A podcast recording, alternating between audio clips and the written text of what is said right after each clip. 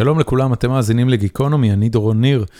הפרק שלנו היום הוא עם חגי לוי, אה, כנראה יוצר הטלוויזיה המוערך והמפורסם ביותר שיצא מישראל. לפני יותר מ-15 שנה הוא יצר סדרת טלוויזיה שנקראת בטיפול, אה, שבפעם הראשונה הציגה את אה, מה שקורה בחדר של הפסיכולוג, כשהוא מדבר עם המטופלים שלו, והדבר הזה פרץ גבולות ומסגרות.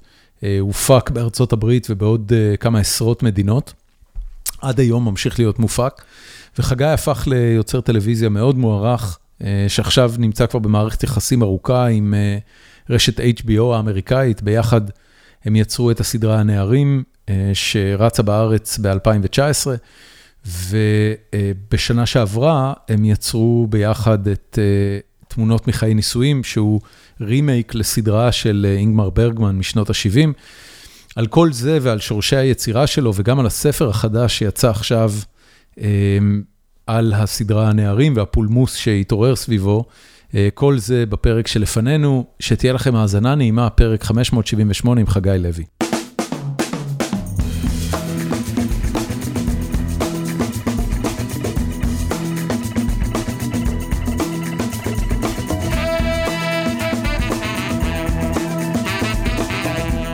בסדר, ברוך השם.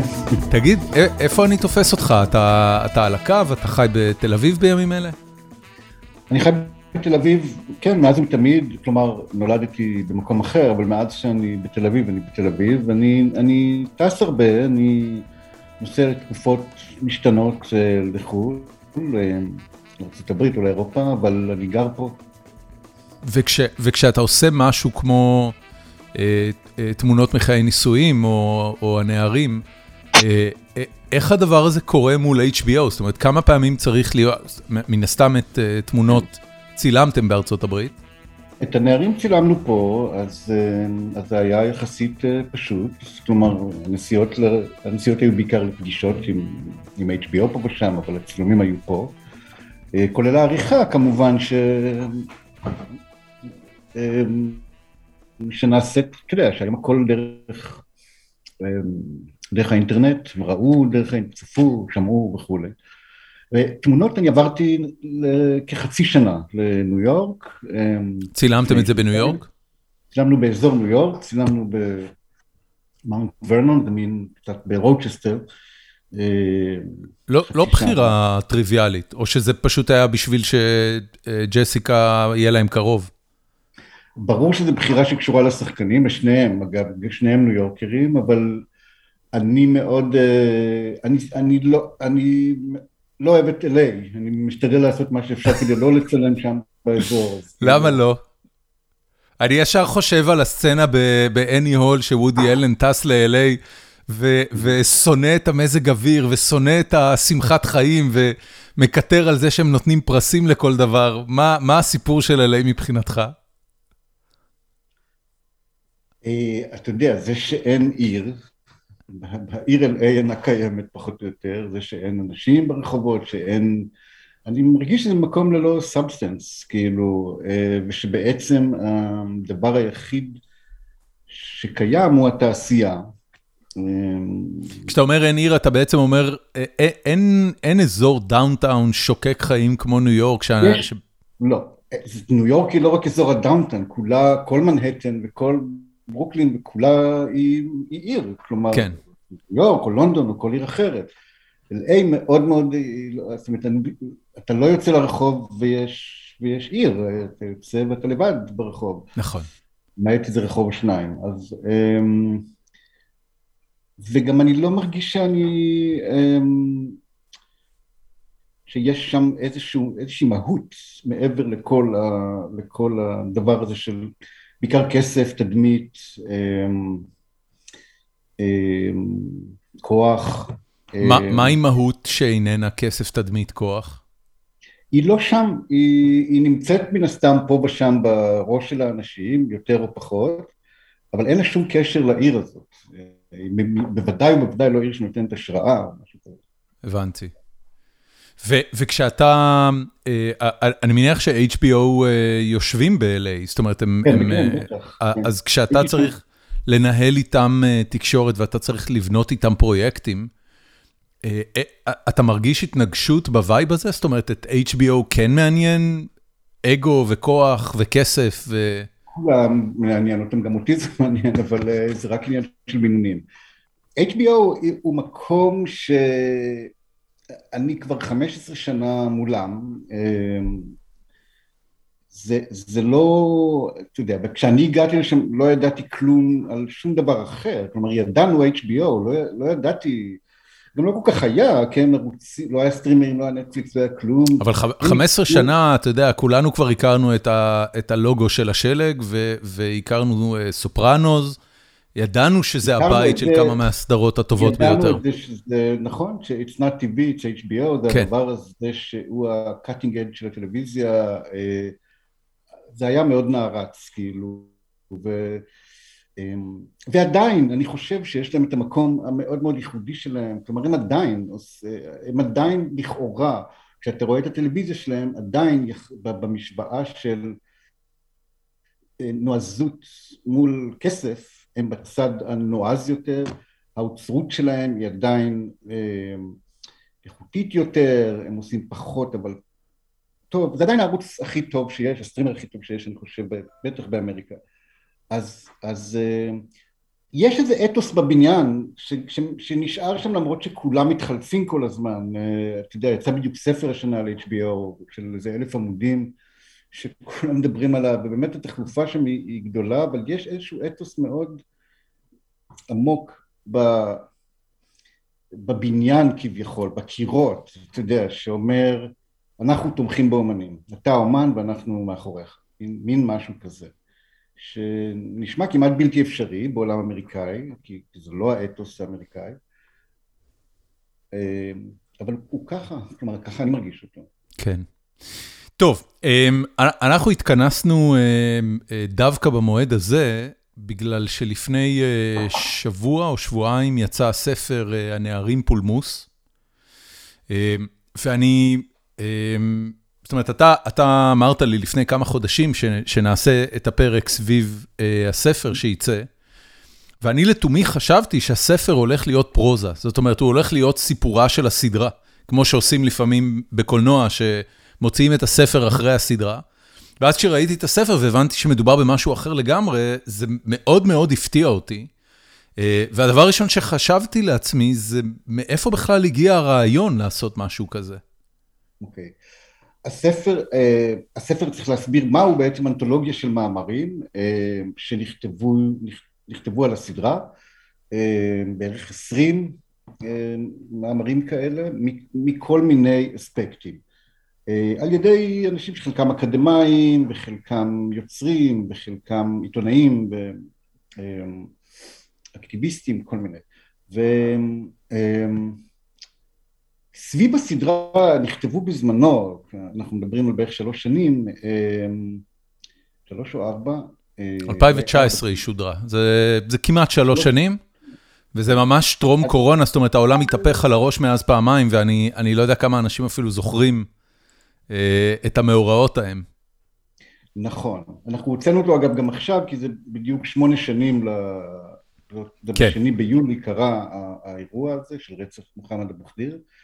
אה, התחילו להיכתב בזמנו כל מיני מאמרים שהיו הרבה מעבר לביקורת אה, טלוויזיה או משהו כזה, שדנו בסדרה אה, ברבדים השונים שיש בה באופן הרבה יותר נרחב והרבה יותר עמוק, והרגשתי צורך לאסוף את המאמרים האלה שכבר היו, אבל בעצם, והיו כנסים שבהם, במכון בן ליר, שבהם היו עוד כמה כאלה, לאט לאט זה נהיה ספר שבו בעצם פנינו לאנשים אה, שאו ירחיבו את הדברים שהם כתבו או יכתבו דברים חדשים, אה, באמת מאספקטים שונים, כלומר מנקודת המבט של הסערה הפוליטית שהייתה פה, אה, מנקודת המבט הערבית, שלא כל כך מוכרת אולי למי שהייתה ביקורת רצינית על הסדרה גם בצד הפלסטיני. אה, מהנקודה המזרחית שהיא מאוד מאוד נוכחת אה, בסדרה, אה, מהנקודת מבט הפסיכולוגית שגם קיימת שם, מנקודת מבט דתית, זאת אומרת יש כל הרבדים הדתיים שיש בסדרה ומנקודת מבט אסתטית, כלומר קצת על האסתטיקה שיש. זהו, וככה אני... איך יוצרים כזה דבר? זאת אומרת, זה התחיל ממך או שזה התחיל מ...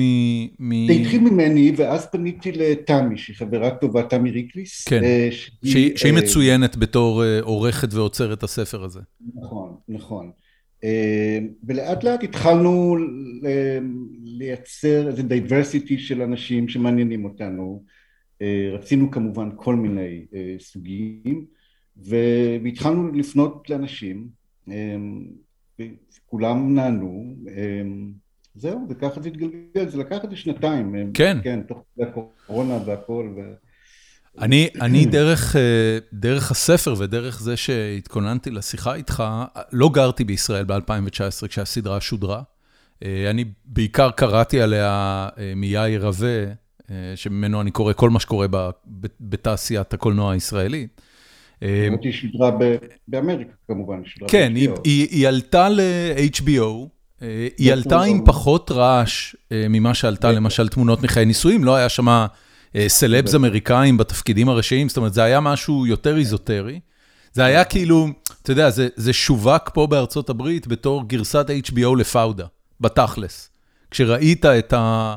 את ה, את המעטפת האסתטית של זה, ואת המסגדים, ואת המואזין בטריילר, אז, אז, אז, אז ההדהוד היה מיידי לפאודה של נטפליקס. אבל, אבל בוודאי לא הייתי מודע ל, ל, לפיצוץ הגדול שהיה פוליטית בארץ סביב הסדרה הזאת. אתה לא בן אדם יותר מדי מפורסם, אני מניח שאנשים ברחוב, רק אם הם באמת מכירים אותך, הם עוצרים אותך, אבל אתה חווית משהו מזה בתור היוצר שיוצא לרחוב הישראלי ושומע את הבלגן? לא, לא בתור, לא ברחוב. בפייסבוק, כן. אבל, אתה יודע, היה רגע שקשת רצו, שקלו לשים לנו מאבטחים, אני לא, אני לא הרגשתי שזה מגיע למקומות האלה.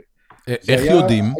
זאת אומרת, מה, מה הייתה התחושה שלך שאמרת, אוקיי, זה לא, תקשיבו, אתם לא רציניים? הרגשתי שזה, אני הרגשתי שזה אלימות אינטרנט, אלימות פייסבוק, אני, אתה יודע, ברור, אף אחד לא יודע, אבל... זה מצחיק שאתה אומר את זה, כי הסדרה בעצמה מקדישה אה, אה, סצנות שלמות לעניין הזה של אה, מה שהיה הוא לא מה שיהיה, ושהפייסבוק, נכון. האלימות שבו היום היא כבר משהו שגולש למעשים אמיתיים. נכון. תראה, היו, היו פוסטים ש... הראו את הפנים שלנו וקראו לאנשים משהו כמו לעשות מה שאתם יודעים לעשות, או משהו כזה. איכשהו הרגשתי, אני לא יודע, זה היה אינסטינקט כזה. היו כמה גלים, אוקיי? היה גל ראשון שהיה גל שבו, שהוא גל ש, שבו אנשים מאוד נפגעו, בייחוד אנשים שסביב סביב המשפחות השכולות של, ה, של שלושת הנערים הישראלים. כן. וכל המגזר שמסביבם, שהם באמת, שהיה שם כאב אמיתי ועלבון אמיתי, וזה לא היה. ואז היה את ביבי, אה, פתאום, שהשר, שכאילו קרא להחרים את הסדרה ולא לצפות בה, ואז אחרי זה באמת היה עוד גל של, של אה, לא יודע, של משוגעי ה... כאילו... כן. זה לא היה נעים, אבל אני צריך להגיד שזה גם עזר מאוד לסדרה, אתה יודע, זה, זה תמיד... אה, זה, זה ממש תמיד משהו שהרגשתם? זאת אומרת, אה, אה, כמות הפאניקה בפייסבוק השפיעה על הרייטינג? ביבי, אני לא יודע בפייסבוק, אבל הדבר הזה שבא ראש ממשלה ומקדיש לזה זה, וקורא לאנשים לצפות בזה... מיד אנשים רצים לצפות בזה. בוודאי, וגם בחו"ל פתאום קיבל איזה... הדהוד מאוד גדול, אה, כי זה הגיע לעמודי הניוז וכו'. אז זה היה... מה, מה, מה זה גורם לך לחשוב? הרי, הרי הסדרה היא אה, אה, יותר מכל דבר אחר. הסדרה מהללת את מדינת ישראל הממלכתית והריבונית על הטיפול השקול והמידתי שלה בסיטואציה הזאת והתוצאות שלו. זה מעניין. כן. אתה, אתה לא מרגיש ככה? אני במידה רבה מרגיש ככה, אבל...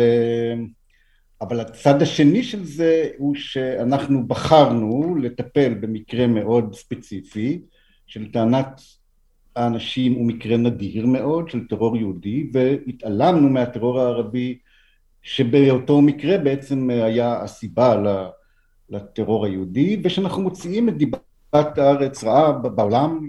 אמ, זאת אומרת המנטליות הקולחוז של אה, מה לעזאזל אתם עושים משמיצים אותנו בפני הגויים ב-HBO. זה, זה הגיע גם מאנשים שאתה מעריך, או שזה הגיע רק מ... אתה יודע, מקולות רחוקים יותר? בגלל שיש לי קשר לעולם הציוני-דתי, הדתי-לאומי, כי באתי משם בסופו של דבר, אז, אז, אז הגיעו אליי, כן, אז הקולות היותר מעניינים הגיעו, אמ, סליחה, יש פה כלב ש... זה ממש בסדר, גם אצלי יש כלב. אני, לכלבה שלי יש נטייה לפרוץ לחדר לפעמים בביתה, כי הד... אתה שומע אותי? רגע, לונה די. לונה די. די. סורי. לא, אין סורי, זה ממש בסדר. התחלתי להגיד שגם הכלבה שלי לפעמים היא פורצת לחדר, מכיוון שהדלת הזאת היא לא דלת שנטרקת, אלא זה דלתות פתיחה כאלה, אז היא לפעמים פורצת פנימה, כמו שקאובוי פורץ לתוך סלון בביתה כזו, והדלת נטרקת. אז אני רק מחכה שזה יקרה לנו מתישהו במהלך ההקלטה. אה, התחלת להגיד על הקולות בציבור הדתי-לאומי. כן, אני גם... אה, תראה, משפחות שלושת נערים, אני פגשתי, אני ויוסף סידר. כחלק מהתחקיר לסדרה? חלק, לא מהתחקיר, לא. כחלק מ... כחלק מזה שחשבנו שראוי שהם ידעו על מה הסדרה. אוקיי. Okay. גם היו אז, היו, היו אז פרסומים לא מדויקים, שכביכול הסדרה היא על שלושת הנערים, וחשבנו שאנחנו חייבים להיפגש איתם ולהסביר להם את זה. אמ, משפחה אחת מהם אני מכיר, היא גרה ביישוב שגם אני גדלתי בו. מהו היישוב הזה? הוא נוף איילון שעלבין. אוקיי. אה, שם משפחת פרנקל גרה. אז, אמ, אז הבנתי את הכאב שסביב זה ואת הקושי של הורים שכולים שבחרנו בסיפור הזה ולא בסיפור ההוא, כאילו. אה, איך הם הגיבו?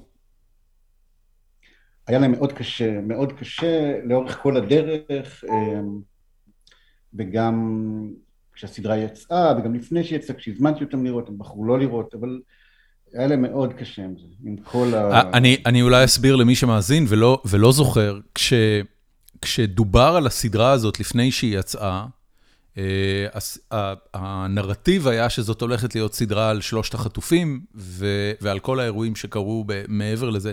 בפועל, הסדרה הייתה פחות או יותר חצי שעה מתוך אה, עשרת הפרקים על שלושת החטופים והאירועים שהובילו לזעם שהתפרץ אחרי זה בתקרית אה, מוחמד אבו ח'דיר, וכל היתר היה בעצם על, על הנערים שהוציאו את הפיגוע הזה לפועל.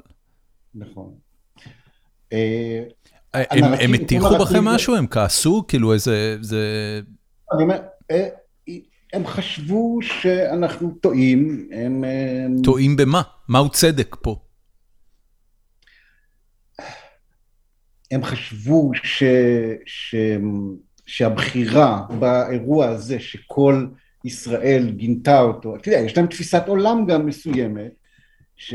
תראה, יש את הכאב הפרטי שאומרת למה אתם לא מדברים על, ה, על הילדים שלנו, למה הם פחות טובים, ויש את הכאב הפוליטי שאומרת אנחנו לא מבינים, אנחנו לא מבינים למה הבחירה במקרה הזה שבו כל ישראל הזדעזע, כולם גינו, לעומת המקום, לעומת הטרור הערבי. יש, יש לי, היו לי תשובות לדברים האלה, תשובות אגב שהתפתחו לאט לאט תוך כדי הסדרה, אה, אבל אני יכול להבין לגמרי את, ה, את השאלה, את הפגיעה, את הכאב, הייתי צריך ל... לזה נוסף שבסופו של דבר החלטנו לקרוא לסדרה הנערים, והנערים... אה, הרפרנס המיידי הוא לחטופים. הוא רפרנס שאז יוחס, כן, כן. לשלוש החטופים, כן. כש... אני מניח שהמשפחות החטופות, אה, משפחות החטופים, סליחה, מהמקום שבו הן יושבות, אה, כל הסיפור הזה הוא בעצם חלק מהמערכה על תקומת ישראל. זאת אומרת, הילדים שלהם הם נפגעי פעולות איבה, אה, ולכן כל סדרה שתיעשה על הסיפור הזה, אמורה להיות בשירות הנרטיב של מעטים מול רבים, ואנחנו פה הקורבנות וכולי וכולי. אבל, אתה יודע, קראתי בספר, את ה... את ה לא לא הספקתי לקרוא את הכל, כי ראיתי את הספר רק לפני 48 שעות, אבל כן קראתי את השיחות איתך ועם יוסי סידר, ו, ואמרת, תקשיבו, זה זה, זה סיפור הרבה יותר מעניין. בסופו של דבר, מה שהכי ננעץ לי מהשיחה הזאת, זה שהבחירה ללכת ולספר על הישראלים שעשו את הפיגוע המזעזע הזה במוחמד אבו ח'דיר, זה שזה הסיפור הפחות קונבנציונלי, הפחות שגרתי, ולכן המעניין יותר. גם, אבל זה, כן, תראה, אם זאת סדרת מתח, אם זאת סדרת פאודה לצורך העניין, אז נניח שחטיפת שלוש הנערים, שהיא יכולה להיות בסיס לסרט או לסדרה מאוד מאוד חזקים, זה, זה מתח ואנחנו מחפשים אותם ולאט לאט, כן. אבל ברמה הדרמטית, המוסרית, אתה יודע, היא, אם אתה רוצה להתעסק בעיקר כביכול, אתה צריך להתעסק ברוצחים, כלומר זה, זה הדבר שאנחנו רצינו להבין, איך קורה פשע שנאה, איך קורה כזה דבר. עכשיו, ברור שלא יכלנו אה, לדבר על הרוצחים של שלושת הנערים, זאת אומרת, יכלנו, זו הייתה סדרה אחרת, אני, לא, אני מניח שזו כן. הייתה סדרה שהיה עוד יותר קשה לקהל הישראלי לראות אותה. אני לא חושב שאנשים, אנשים שהגיבו, הגיבו מאוד לפרק הראשון והשני, והם לא כל כך הבינו שהסדרה גם הולכת למקום שבו הגיבורים, הרוצחים עצמם, הם הגיבורים באיזשהו ניסיון להבין אותם, וכמובן מערכת הצדק שפועלת וכולי וכולי, ולכן בסופו של דבר, כפי שאתה אמרת, הסדרה בראשה עומד שב"כניק אה, אה, מוצלח כן. ומצפוני כן. וכולי וכולי, והרבה יותר קשה היה לפלסטינים לקבל אותה. כן.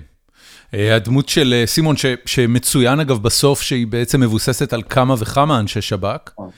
אני מאוד סקרן אותי, אתה יודע, גם בגלל שהדמות של הנערים ש, שאז היו קטינים, מה שמכונה בסדרה נאשמים 2 ו-3, הם, הם, אה, הם שמות בדויים בעצם, אנחנו לא יודעים עד היום מי הם האנשים האלה. זה החוק. כן. איזה, איזה, איזה אינטראקציה הייתה לכם איתם? אתם, אתם פגשתם אותם? הלכתם לראות אותם אה, בבית הסוהר?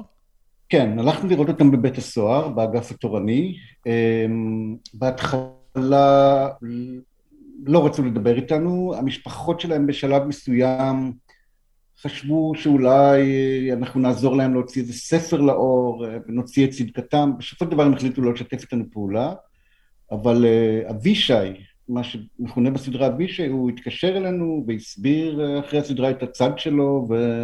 הוא הסביר בצורה דומה לאיך שהדמות אה, מגמגמת את התירוצים שלה בסדרה? ממש, ממש אותו דבר. Okay. הוא, אוקיי. כן חרד ל... הוא כן עדיין חרד לשמו הטוב, זאת אומרת, הוא כן חשוב לו להגיד שהוא לא עשה ושהוא כן עשה וכולי וכולי. מאוד מאוד דומה, כן.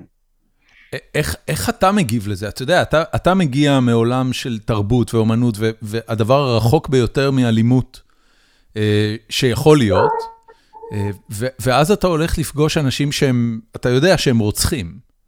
אה, מעבר לעניין של ההרשעה, זאת אומרת, הם, הם, הם באמת הלכו וביצעו את המעשה הזה. כן. אני, אני חושב על, על, על טרומן קפוטה ועל, ה, ועל הסרט שעשו על המערכת יחסים שלו עם הרוצחים.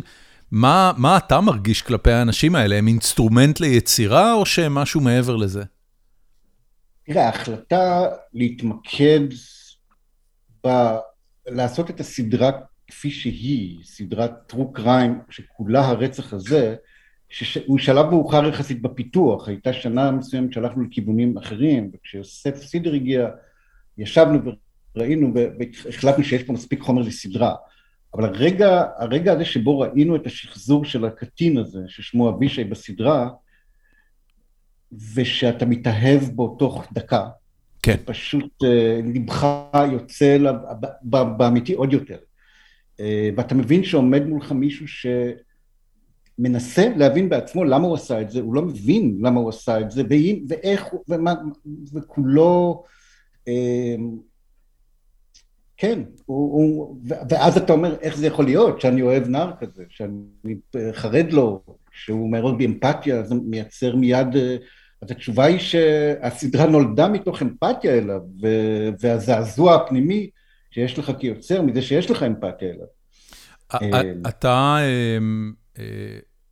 הסדרה מסתיימת בטון מאוד ברור, השופטים מרשיעים את שלושתם ברצח, אבל התחושה שאתה משאיר אצל הצופה זה שהוא לא רצח. אתה כיוונת לזה? אני לא, אני מקווה שזה לא התחושה החד משמעית. אה, השופטים זאת אומרת, נאמר שם בצורה מאוד ברורה שהוא רוצח, כלומר, כן. גם פסק הדין אומר שהוא מורשע ברצח. אבל, אבל אתה, אתה בסדרה לוקח את הזמן ו, ומייצר את הסצנות שבהן הוא יושב באוטו כשמוחמד אבו ח'דיר נשרף, ושהוא נכון. אומר את המילים, אל תהרגו אותו. אה, זאת אומרת, אתה, אתה מייצר את הקייס הזה בצורה נורא ברורה לאורך הסדרה. אז יש, אני אומר, מבחינה משפטית הוא רוצח. מבחינה כן. פיזית הוא לא רצח, אבל, אבל אגב, בית המשפט, מה שהוא בעצם טוען שהחטיפה והרצח זו אותה פעולה, זו פעולה מתמשכת. אוקיי. Okay. לכן אתה לא יכול להפריד את שתי הפעולות האלה, זה בעצם מה שבסופו של דבר הרשיע אותו אה, ברצח. שאי אפשר להפריד את שתי הפעולות האלה. אה, אני חושב שהדמות של אבישי היא דמות ש... אה, כן ברגע מסוים אני מטיל עליו את האחריות ו... והוא מבין את האחריות הזאת, הוא מבין את אשמתו כאילו. אה, היא אשמה מופחתת ויש לו כביכול את כל הסיבות האלה ואת כל הזה, אבל היה לי מאוד מאוד חשוב שהאמפתיה תיעצר ברגע מסוים ותיבחן מחדש אה, ותראה, כי זה מה שקורה בפרק של השחזור, שהוא היה חלק מאוד מאוד אקטיבי בחטיפה עצמה למשל, מאוד, אה, ושהוא לא כל כך, אז, אז אז זה מורכב, אתה יודע, כמו כל, כמו כל דבר מעניין. כן. אה, אני רוצה רגע לחזור למה שכבר ציינת פעמיים בשיחה הזאת, אה, אה, והוא כנראה מאוד בולט גם בסדרה, אתה ויוסי סידר, שניכם בוגרים של החינוך הדתי-לאומי. אני לא, אני לא הכרתי את זה לך, זאת אומרת, אני, אני, משום מה היה תקוע לי בראש שיצאת משורות ה... הצפונבוניות השמאלנית הישראלית. אולי בגלל בטיפול, כי טיפול התפרצה לחיינו וכאילו הנכיחה את העניין הזה של טיפול פסיכולוגי בצורה שכמעט שום דבר לא עשה עד אותו רגע. איך הגעת מ... אתה יודע, ממקום שבו אמ, אפילו בסדרה בטיפול, הפסיכולוגיה והפסיכיאטריה הם משהו להסתתר איתו, משהו להחביא אותו, הם משהו להתנהל מאוד מאוד בזהירות איתו, שחס וחלילה לא ידבק כתם למשהו כמו בטיפול שהוא, אתה יודע, לקחת את כל הסיטואציה הזאת ו- ולשים אותה במרכז הפריים לאורך שעות ארוכות. איפה זה היה להתחבא? אני לא, לא הבנתי. איפה אמרת שזה להתחבא עם ה... בסדרה אה, הנערים, אה, אה הדמות של דבורה, כן, כן, כן. וכל העניין של המחלות הנפשיות והבעיות כן. הנפשיות, גם של אבישי וגם של חיים יוסף, כן. הם מאוד מאוד, אה, אתה יודע, זה עניין להסתיר אותו כל הזמן, זה ממש מתנהל במחתרת. בוודאי, גם יש עניין של שידוך ויש עניין של שמה של משפחה, זה מאוד מאוד, אה, מאוד מאוד מוסתר שם. אני גדלתי בעולם, לשמחתי, שהוא לא חרדי, הוא דתי-לאומי, אה, וש... ושהוא קיבוץ. ולכן דווקא עולם הפסיכולוגיה היה נגיש באיזשהו מקום. ודיברו עליו בחופשיות? זאת אומרת, הוא היה נגיש ולגיטימי? הוא לא היה, אתה יודע, לא דיברת עליו בחופשיות, אבל היית, הכלי היה נגיש. כלומר, כשהיו לך בעיות, היו לוקחים אותך למרכז אה, הקיבוצים, אתה יודע, לבית של אה, תנועת, של התק"ם אה, ברחוב דובנוב בתל אביב, והייתה שם קומה של שירות ייעוץ פסיכולוגי. אז הדבר הזה היה, אפילו הקדים את זמנו בציבור הכללי, כי הקיבוצים הקדימו את את, את שאר. אז היה את הדבר הזה, כמובן שאף אחד לא ידע שאני אה, הולך לטיפול, אה, אגב לא הלכתי אז, אבל, אה, אבל בגיל יותר מאוחר, בגיל התיכון. אז אני, אני גדלתי במקום שזה כן היה נגיש, כמובן היה מוסתר, כמו בכל הפריפריה, גם, גם בפריפריה, אה, אתה יודע, הקיבוץ שלי הוא חצי שעה מתל אביב. כן. אוקיינוס, אה, אוקיינוס נמצא בינו לבין תל אביב. אה, אבל כשאני מדבר גם על פריפריות דרומיות יותר, או טיפול תמיד הוא, הוא, הוא היה משהו, אני חושב שבטיפול עשתה עבודה בעניין הזה שהוא באמת יצא מהארון יותר, אבל הוא תמיד היה אה, משהו ש, שאינו פומבי. כן. אה, היום זה כבר לא ככה, היום תוכניות ריאליטי, כל הרעיונות שלהם מתבססים על שיחות עם פסיכולוגים. כן, זה די מדהים, נכון. אתה אתה מסתכל אה, על התוכניות האלה, על חת, על חתונה ממבט ראשון ועל כל אלה, ואתה אומר, בואנה, זה אם לא היה בטיפול, הסצנה הזאת לא הייתה עכשיו בטלוויזיה, זה שלי. אני לא רואה טלוויזיה מסחרית כבר 14 שנה. אה, אוקיי, למה לא? לא זה ולא חדשות, כלומר כל מה, שק... כל מה שקשור לערוץ מסחרי, אני פשוט לא רואה, אני לא... מסחרי אתה מתכוון לא... broadcast, כי, כל מה שבסטרימינג אני מניח שאתה כן רואה. סדרות אני רואה, כן, כן. אבל אני לא רואה אה, לא את התוכניות האלה ולא... אני רואה לפעמים כדורגל, אה, אבל זה גם לא בערוצים האלה. זאת אומרת, אתה, אה, אתה בכלל לא מכיר את ז'אנר הריאליטי הפסיכולוגי שמסתובב היום בעולם. לא, לא, אני, אני יודע עליו, אני חי בתוך, אה, בתוך, בתוך עמי, אבל אני, אני לא ראיתי פריים ממנו, לא. מעניין. זה לא מסקרן אותך? בתור, הרי בסופו של דבר הקריירה שלך היא קריירה של יוצר אה, מסחרי שפונה לקהל הרחב, שעושה פרויקטים שאמורים להיות בשירותים המסחריים המצליחים ביותר בעולם. זה לא מסקרן אותך מה הדבר הזה שמתפתח שם? זה מסקרן במידה מסוימת, אני לא בטוח שאנחנו עובדים באותו מקצוע, בסופו של דבר. אני מרגיש שאני ב-line of work אחר, כאילו, ו... אמ, זה יותר אמ, דוחה אותי ממושך אותי, בסופו של דבר. כאילו, אני חושב שיש שם פגמים מוסריים מאוד מאוד עמוקים, ואני לא... חבל לי להשחית את זמני על זה, כאילו. וואו, אוקיי. גם מידה שחדשות מסחריות אה, הם בעיניי, אני פשוט לא, לא רואה את זה כבר מלא שנים. זה נראה לי גם בזבוז זמן משוגע, וכאילו. מעניין מאוד. אני הבוקר אה, אה, ביליתי את, ה, את החצי שעה שלי עם הקפה בלקרוא את, ה, את העדויות של הדס קליין, אם אני לא טועה. שנמצאת עכשיו, או הייתה הבוקר בבית המשפט ודיברה על המתנות שנשלחו לביבי. Mm-hmm. כש, כשנתניהו uh, טינף על הסדרה שלך בפריים טיים, uh, מה אתה חושב בתור בן אדם פרטי, בתור יוצר, ש, שפתאום הדבר הזה מתרגש לחייו? נתניהו זה היה פוסט. אמ, אמ, אני חשבתי באותו רגע שזה דבר נפלא, באמת, שזה הולך להיות אה, גדול. אה, פה בארץ וגם בחו"ל, ושזה יעשה לסדרה שירות עצום. זה הדבר היחיד שיכלתי לחשוב עליו. המציאות עצמה, תראה, אני באמת, אני כבר... אתה יודע, יש, יש מה שנקרא תסמונת חוסר האונים הנרכש. זו תסמונת ידועה, זה, זה מחקר ידוע שעשו על עכברים, לא יודע, בטח שמעת עליו, שבו יש שתי קבוצות של עכברים, שאחת מהם אה, נותנים להם שוקים חשמליים, אה, אבל לאט לאט הם מזהים שם איזו תבנית, ו... ו... וקבוצה אחרת שהשוקים רנדומליים לחלוטין. והם אותו מספר שוקים, כן? אבל הקבוצה שמקבלת שוקים רנדומלית נכנסה לדיכאון, למצב של דיכאון. כי התחושה שלהם שאין להם יכולת להשפיע על המציאות בכלל, מה שנקרא כשל, אה, אה, אה, כן, כשל, נו, איך אמרתי את זה? באתי להגיד כשל חיסוני.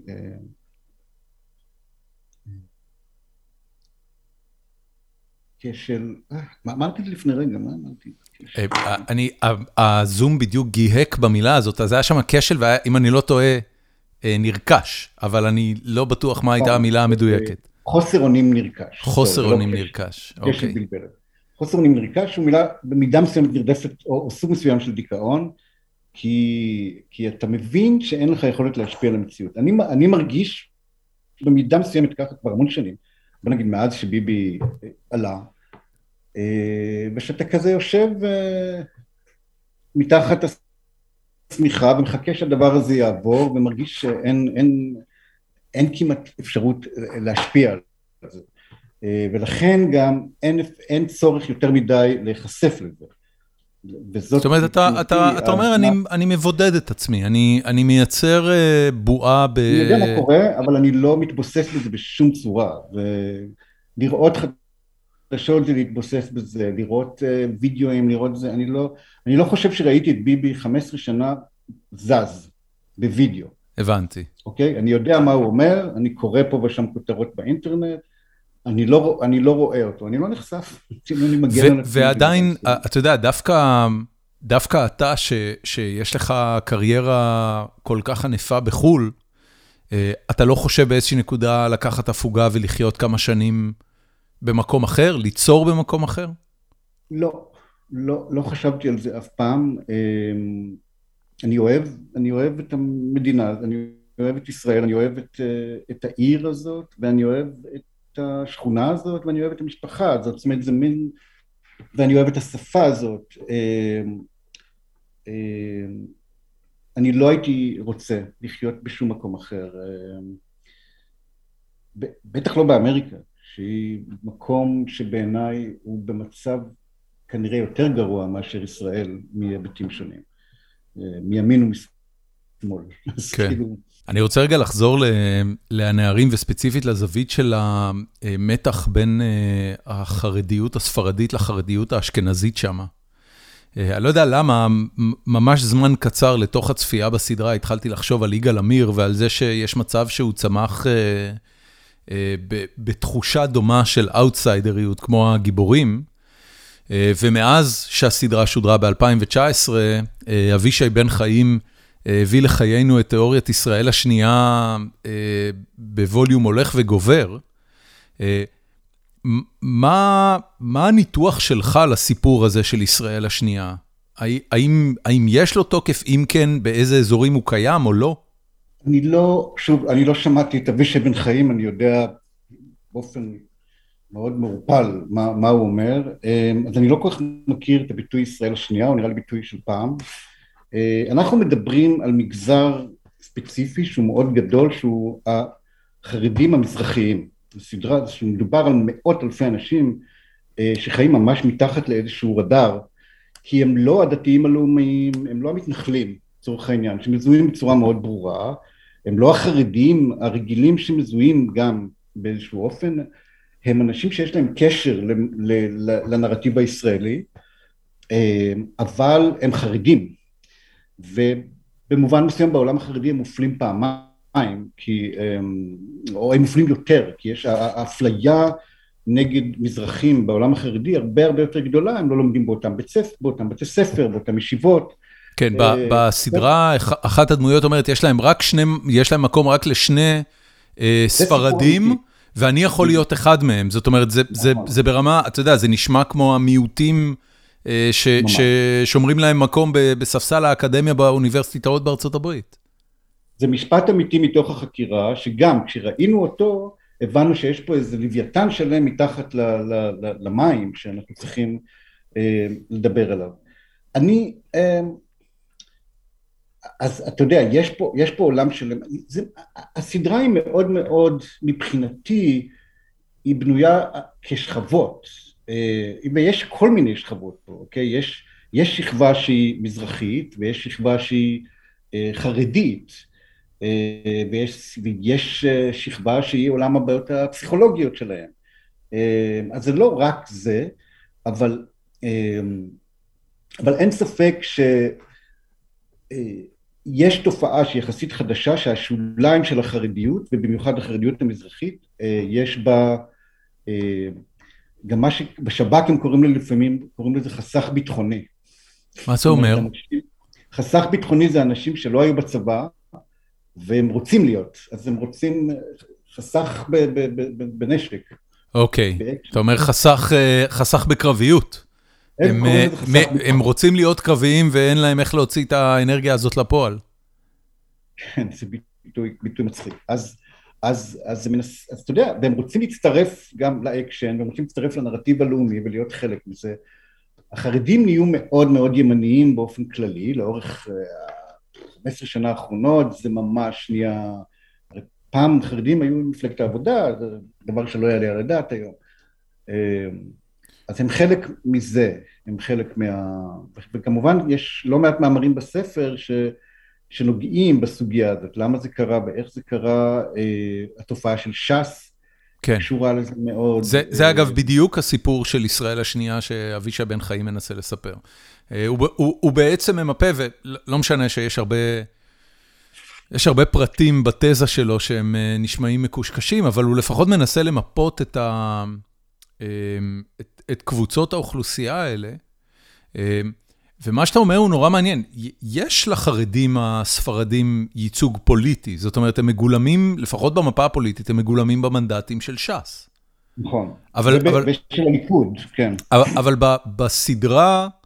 אה, אתה לא מקבל תחושה שהחבר'ה שם קשורים באיזושהי צורה לש"ס, או שיש להם איזושהי מודעות פוליטית מעבר לשנאת גויים תהומית. כי הם באמת היו אנשים יחסית ללא מודעות פוליטית, כלומר אין שם, זה לא אותה, אוקיי, הרכיב האידיאולוגי, שכבה אידיאולוגית, יש את כל השכבות האלה, כן. בסוף יש שכבה אידיאולוגית. השכבה האידיאולוגית הזאת היא מאוד דקה, היא קיימת, אבל היא דקה, כלומר האנשים האלה יכולים להיחשף לארגון כמו להבה, וזה יכול להצית את זה בסופו של דבר, זה יכול להיות האקדח, אבל זאת רק שכבה דקה בסוף שיש הרבה שכבות אה, מלמטה.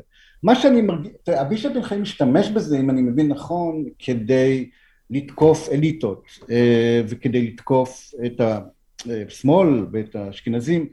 אה, אנחנו, היה לנו חשוב שהפוליטיקת הזהויות הזאת שקיימת בסדרה, היא כן. לא תהווה הצדקה למשהו, היא פשוט מתארת איזשהו מצב. אה, היה לנו חשוב, כמו שאמרתי לך, להראות את האחריות האישית שיש לאנשים על מה שהם עושים, הם לא יכולים לי להגיד, מצטערים, אנחנו שייכים לישראל השנייה. כן. אה, אבל זה חלק ממה שהם, כן. כן. טוב, אה, אני יכול אה, לדבר איתך קצת על תמונות מחיי נישואים? בטח. מאיפה לכל הרוחות בכלל נולד הרעיון לעשות מחדש את הסדרה הזאת? הסדרה, אני, אני רק אגיד למאזינים שלנו, תמונות מחיי נישואים המקורית הייתה סדרה של ברגמן ששודרה בשנות ה-70, אה, קודם כל בטלוויזיה השוודית ואחר כך בכל העולם. הייתה אירוע תרבותי אה, באופן שבו הוא ייצג את, ה, את הפרטיות האינטימית ביותר של מערכות יחסים.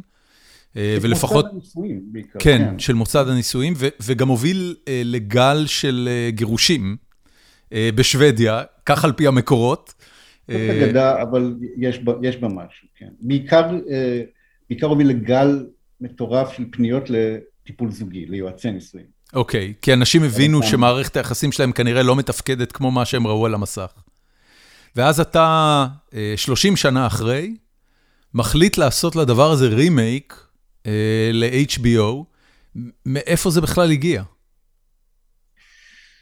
אמ, תראה, תרבית, תרבות הרימייקים אה, היא, היא, היא משהו שקיים באופן מאוד אה, אינטנסיבי פחות או יותר ב-15 שנה האחרונות, ואני נהניתי ממנו כמובן מאוד, עשו, בטיפול עשו 20 רימייקים אה, במדינות שונות, כולל באמריקה, אז, אז, אז הדבר הזה שנקרא רימייק הוא לא דבר שהיה זר לי, וכמובן ראיתי את, ה, את הגרסאות שעשו לי בטיפול, אמ, שחלקם היו מאוד מעניינות, כי הייתה שם המרה תרבותית מעניינת, או פרשנות חדשה. אתה יכול לתת דוגמה למשהו כזה? אמ, תראה, הדוגמה הכי טובה היא הגרסה האחרונה שנעשתה עד כה בצרפת. אוקיי. Okay. עכשיו עלתה העונה השנייה של, של בטיפול בצרפת, זאת הגרסה הכי מצליחה אה, שהייתה אה, בערוץ ארטה, והסדרה כולה מתרחשת יומיים אחרי פיגועי הבטקלן. אוקיי. Okay. ככה, ככה מתחילה הסדרה. אה, אז מדינה שלמה נמצאת בחרדה מטורפת, וזה הרקע לסדרה. ואז אותם סיפורים מקבלים קונטקסט לגמרי לגמרי אחר, וחלק מזה ההצלחה שלה, כי זה פתח איזה מושא שלא כל כך דוברה עד אותו רגע. אז זה נגיד דוגמה, אה, מה שהיה בארץ, הטייס שהפציץ בעזה, כן. היה שם לשוטר שהיה בתוך הבטקלן, שהוא גם מוסלמי. זה, זה מופיע בטמפלט לתסריט? זאת אומרת, כשהצרפתים קיבלו, אה, קנו את הזכות להפיק אה, בטיפול משלהם, אז מופיע בקוקי קאטר, מופיע, צריך להיות פה איזשהו מאורע פוליטי משמעותי שיניע את העלילה? קודם כל, אה, מה שהם מקבלים זה תסריטים. הם מקבלים הרבה יותר מטמפלט. הם מקבלים תסריטים, וכל ה... כל הגרסאות שבטיפול עוקבות מאוד מקרוב אחרי התסריטים, פרק ביי פרק. Okay. זה אוקיי. הרבה יותר מהקווים המנחים האלה. בו בזמן אין צריך. אני מאוד מאוד, אה, ברגע שאני פוגש את האנשים, שזה הדבר מבחינתי שחשוב, אז, אז, אז אני מעודד אותם ללכת רחוק יותר, להעיז, לא להיצמד יותר מדי אה, לטמפליטים שלנו ולמצוא אקוויוולנטים תרבותיים בדיוק לדברים האלה. מי האנשים שיצרו את הגרסה הצרפתית? האנשים האלה זה, אה, זה, בעיקר, כלומר שני השואו-ראנרים זה אריק ואוליביה, אריק נקש, אריק טולדנו ואוליביה נקש, הם אנשים שידועים כבמאים של להיטים מאוד מאוד גדולים שם, כמו, איך קראו לזה בעברית? מחוברים לחיים. כן. על, ה, על, ה, על כן, האיש כן. הלבן שיש לו... כן. שגם הייתה לו גרסה אמריקאית מאוד מוצלחת. הייתה לו גרסה אמריקאית וגרסת תיאטרון ומיליון דברים כאלה. נכון. הם האנשים שעומדים מאחורי זה, וזה נהיה תופעה גדולה. מה, מהשמות טולדנו ונקש, אני מנחש שהם יהודים? יהודים מזרחים לגמרי. כן. נהיינו חברים מאוד קרובים. זאת גרסה שהייתי מאוד מעורב בו לאורך השנים, אז אני מאוד מאוד, מאוד אוהב אותה. אז אז, אז, אז זה עולם הרימייקים שאפשר גם לדבר עליו לחוד, ואני חושב שהיום קורית תופעה יותר מעניינת ויותר טובה בעיניי, זה שפשוט הסדרות עצמם, הן כבר לא כל כך צריכות רימייקים כי הן משודרות בסטרימרים. כן. אז סדרה כמו פאודה לא צריכה רימייק, היא קיימת שם כאילו. נכון, וכולי. קיימת לנצח. ואז נוצר מצב שבו יש החשפות לתרבויות אחרות, זה דבר הרבה יותר טוב מרימייקים. אבל סינפו המריג' הייתה שמה, כמובן, אני לא יודע אם כמובן, הרעיון לא הגיע ממני, הרעיון הגיע ממשפחתו של אינגמר ברגמן, מבנו למעשה. הבן של אינגמר ברגמן שהוא במאי, הוא במאי בעצמו, הוא ביים סרט אחד לפני הרבה שנים על פי תסריט של אבא שלו ואז הפסיק, כל מיני משברים, ובסופו של דבר, ועלתה לו, עלתה לו הרעיון לעשות, עלה לו הרעיון לעשות את סיפורים, את תמונות חיי נישואים מחדש, הוא ראה את בטיפול, אני הייתי בשוודיה גם לקידום של אינטריטמנט ובין השאר סיפרתי שם, בגלל שאני בשוודיה, כמה תמונות מחיי נישואים השפיע על כל הקריירה שלי והייתה גם השראה בטיפול. במובן הזה של שני אנשים אומרים, עומדים ומדברים לאורך חצי שעה או שעה. כן, זה היה... רק היכולת אני, להחזיק, להחזיק עניין בסיטואציה כזאת. אני עשיתי את בטיפול וכולם סביבי אמרו זה לא יעבוד, זה לא יחזיק, מה שני אנשים מדברים. נכון. אז הלכתי שוב לראות את הדבר הזה וזה נתן לי הרבה כוח והשראה. ואז הוא פנה אליי, ואז הוא פנה אליי ואמר לי שהוא רוצה לעשות את זה, הוא אמר שהוא רוצה להציג, להכניס את הילדים יותר לתמונה, כי בתור ילד שלו כמובן סבל מההורות ה... מזעזעת של ברגמן, ובסדרה המקורית הילדים נמחקים לחלוטין, הם לא קיימים שם בכלל. גם, גם בסדרה החדשה הילדים נוכחים מעט מאוד. יש דיבור עליהם, אבל הם לא דמויות. יש אחת רק, כן. נכון, אבל בשביל להבין את השינוי, או את שינוי הגישה בעניין, אתה צריך לראות את המקור. שבה לא רק שהם מדברים, הם נון אישו, שני אנשים מתגרשים, יש להם שתי בנות, והם לא, הם פשוט נון אישו בכל כן. התהליך הזה. זה מאוד מאוד חריג, זה מאוד מאוד קיצוני, זה משקף אולי את אירופה או את שוודיה בשנים האלה של אנשים שחיפשו נורא את עצמם, וזנחו את הילדים שלהם, בקיצור. כן. אז הוא, אז הוא רצה לה, להחיות מחדש את הסדרה, הוא, הוא פונה אליך, כמה זמן מאותו רגע ועד ש-HBO מתחילים להיות מעורבים? זאת אומרת, איך, איך נראה תהליך של להרים כזה דבר? התהליך הוא, תראה, הוא פנה אליי ו... והתחלתי, כתבתי איזשהו פיילוט. זה, זה מיד סקרן אותך? זה מיד סקרן אותי, בטח. אני אומר, זה, זה היה מצד אחד נראה כמו מלכודת, שלא אסור להיכנס אליה, ומצד שני מפתה מאוד, כי זו באמת יצירה שהייתה מכוננת בחיי. איך אפשר להגיד לא לבן של ברגמן? אתה יודע, זה כמו בת קול מהשמיים. ממש, אני זוכר את, ה, את הרגע הזה שבדיוק איפה קיבלתי את המייל ממנו, באיזה תנוחה הייתה היד שלי, אני מאוד מאוד... והכרת אותו, זאת אומרת, זיהית את השם. לא, הוא אמר, 아. אני הבן של דניאל, אני הבן של איגמר ברגמן, אמרתי... You gotta be kidding me, זה כמו הנסיך הניגרי. כן, זכית בפיס. כאילו, איפה היית? כשראית את המייל הזה? הייתי בחדר העריכה של סדרה שמאוד מאוד יקרה לליבי, שקוראים לה מקוללים. כן. סדרה שעשיתי בארץ אחרי בטיפול. ו... וקצת לקראת העבודה על The Affair שעשיתי באמריקה. כן. אבל הייתי בחדר העריכה ואמרתי לעורכת, את לא מבינה מה, מה קרה פה, כאילו, מה, מה, מה, מה קיבלתי כרגע. אז זה לקח מאותו רגע בערך עשר שנים עד, ש, עד שהסדרה הופקה. עד שהסדרה עלתה, יצאה לאור. כן, משהו כזה. כן, היה תהליך מאוד ארוך שבו ניסיתי להבין מה יכול להיות הטייק שלי על הדבר הזה. כלומר, מה, מה בעצם הם חוקי המשחק? כלומר, אני לא רוצה לעשות משהו אחר לגמרי, אני רוצה לעשות רימייק, להיות נאמן למקור, אחרת, אחרת אין פה... מצד שני צריך למצוא איזשהו... צריך למצוא, צריך למצוא גם זווית שתהיה מעניינת בשבילי אישית, צריך שיהיה זווית שתהיה, שתעדכן את הסיפור הזה לאיזשהו עולם. צריך סיבה טובה ל-why why remake כן. זו הייתה שאלה מאוד גדולה על השולחן. זה לקח הרבה שנים להבין למה, זה כל פעם גם נדחה, אז היה לי את, אה, אה, את, את, את הנערים, שדחה את זה בעוד ארבע שנים, אה, ואז ברגע מסוים עלה הרעיון של ההיפוך המגדרי שהתחיל מאוד מאוד לעניין אותי בגלל הסיר איזה, איזה מכשול שהיה לי, איזה מין ריחוק. למאזינים אני אסביר, הסדרה המקורית עסקה בזוג שבו הגבר הוא נרקסיסט ודומיננטי והאישה היא פסיבית ונחלמת. היא שיחקה אותה ליב אולמן, אני לא זוכר מי היה השחקן. ארלנד יוטפסון. אוקיי. והדבר, אתה יודע, מבחינתי, אחד החשובים שקרו בסדרה החדשה זה שבאמת אה, ג'סיקה צ'סטיין הופכת להיות הדומיננטית, אה, הייטקיסטית, סמנכ"לית מוצר בחברת הייטק, אה, עם בוס פסיכופת כיאה לשורות ההייטק הקיימות בעולם היום, והפרטנר שלה, שמשחק אותו אוסקר אייזיק, הוא יהודי, הוא הוא אקדמאי, הוא בוגר אה, אה, ישיבה או חינוך דתי כלשהו, אה, הוא בן אדם יותר מופנם, הוא בן אדם יותר חלש, הוא בוודאי הצלע החלשה והפחות דומיננטית וגם הפחות מפרנסת.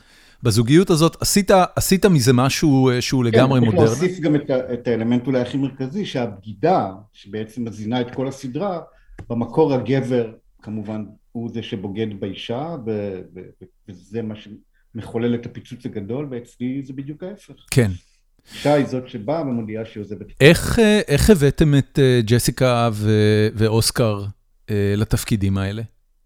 הם הם גם executive producer, זאת אומרת, הם הם גם קיבלו קרדיט על יוצרי הסדרה.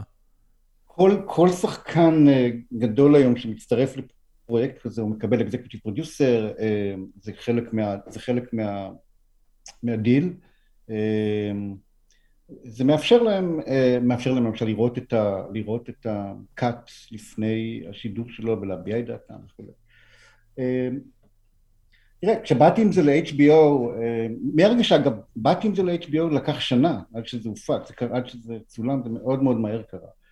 זאת אומרת, הם עפו על זה מהרגע הראשון.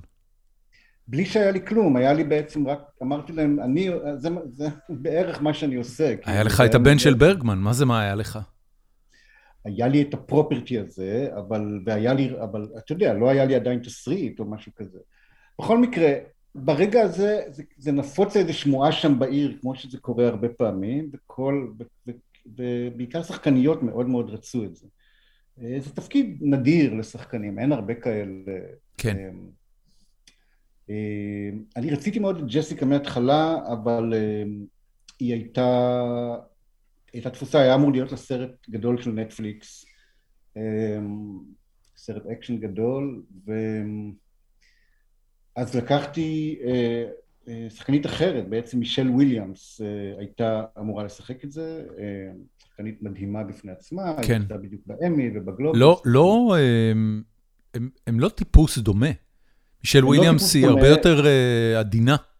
נכון, אני חושב. עדינה, מצנמת, אה, קורבנית מאוד, היא הייתה פחות הדמות שאני ראיתי, אה, אבל אני יכול לדבר הרבה על תהליך קאסטינג בהוליווד, הוא תהליך שמורכב מהמון המון אה, אלמנטים, לחצים, שיקולים. היה ברור שצריך פה שחקנים, שני שחקנים שהם A-ליסט, ומישל היא שחקנית מדהימה, וכאילו אתה לא אומר לא כשיש לך כזה דבר, היא הייתה מאוד חמה אז באותו רגע. כן, אז אמרתי אני טיפה אזיז את הדמות לשם. אמ, וזה עניין אותי, כי מישל אמנם היא לא, אין לה את הדבר שיש לג'סיקה, אבל היא, היא קשה לו לאהוב אותה. כן. תמיד כזאת הדמות שאוהבים.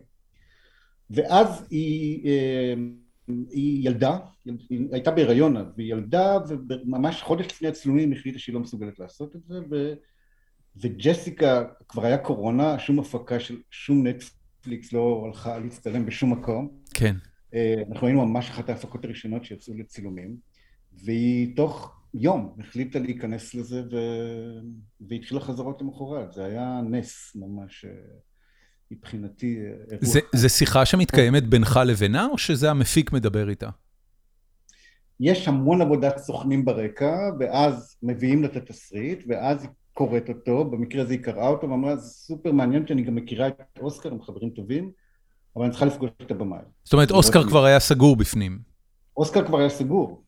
מאיפה, מאיפה הוא הגיע? זאת אומרת, מה, מה היה המקום שאתה התאהבת בו? בפגישה, פגשתי אותו בניו יורק, אמ, בעצם הייתי, הייתי איזה שבוע ב-LA, פגשתי המון שחקניות, ובעצם הוא היה השחקן היחיד שפגשתי אז, זה היה בדרך חזרה דרך ניו יורק, והבנתי שהוא איש מקסים, הוא איש חכם, כן. הבנתי שהוא יושב מאוד מאוד טוב, שיהודי יושב עליו מאוד טוב, שיש בו איזו רכות מסוימת וחוסר ביטחון, מצד שני הוא, הוא סמל מין כמעט, אה, אה, ככה שלמרות שהוא ייצר איזה מין דמות שהיא מאוד מפנמת ומורכבת וכולי, יש שם איזו כריזמה שתבקע מעבר לכל הדבר הזה. כן, הוא לא, צריך להגיד, הדמות שהוא משחק והשחקן שהוא, אה, זה, זה מאוד שונה, הוא באמת סמל מין, והדמות הזאת היא כל דבר מלבד סמל מין. נכון, או מי שראה עכשיו את הסדרה החדשה שיצאה איתו, אמ, של המרוויל הזאת. כן, אמ, כן, כן, כן. Knight, Knight, אה, משהו כזה. Moon Knight. Moon Knight, כן. הוא, אה, אמ, אתה יודע, אה, זה מצחיק, כי הוא, עשו, כשהוא השתתף ב-SNL, הוא עשה מערכון. על זה שהוא ethnically, ethnically ambiguous, שהוא לא, שלא ברור מאיזה, הוא קולומביאני במקור, אבל הוא יכול לעבור בתור יהודי, היספני, כל דבר שאתה לא, רק רוצה. הוא לא קולומביאני, הוא חצי גואטמלי. סליחה, חצי גואטמלי, אתה צודק. כן, גואטמלי, חצי קובה. אוקיי. אבל הוא נולד כבר באמריקה, אבל זה, הוא באמת, באמת אה, נגיש. גם קוראים לו אייזק, למרות שבאמת השם המלא שלו זה אוסקר אייזק הרננדז, אז, אבל האייזק נותן איזו תחושה יהודית כזאת. כן. אמ, לא מש... אז הוא היה שם, הוא היה פרטנר והוא מאוד רצה, הוא סיפר לי שהיה לו היסטוריה ארוכה עם, עם, עם תמונות, רצה לעלות בתיאטרון וכולי. אז זהו, אז ככה זה התגלגל, אה, זה היה נס גם במובן הזה שהם היו הם, הם חברים.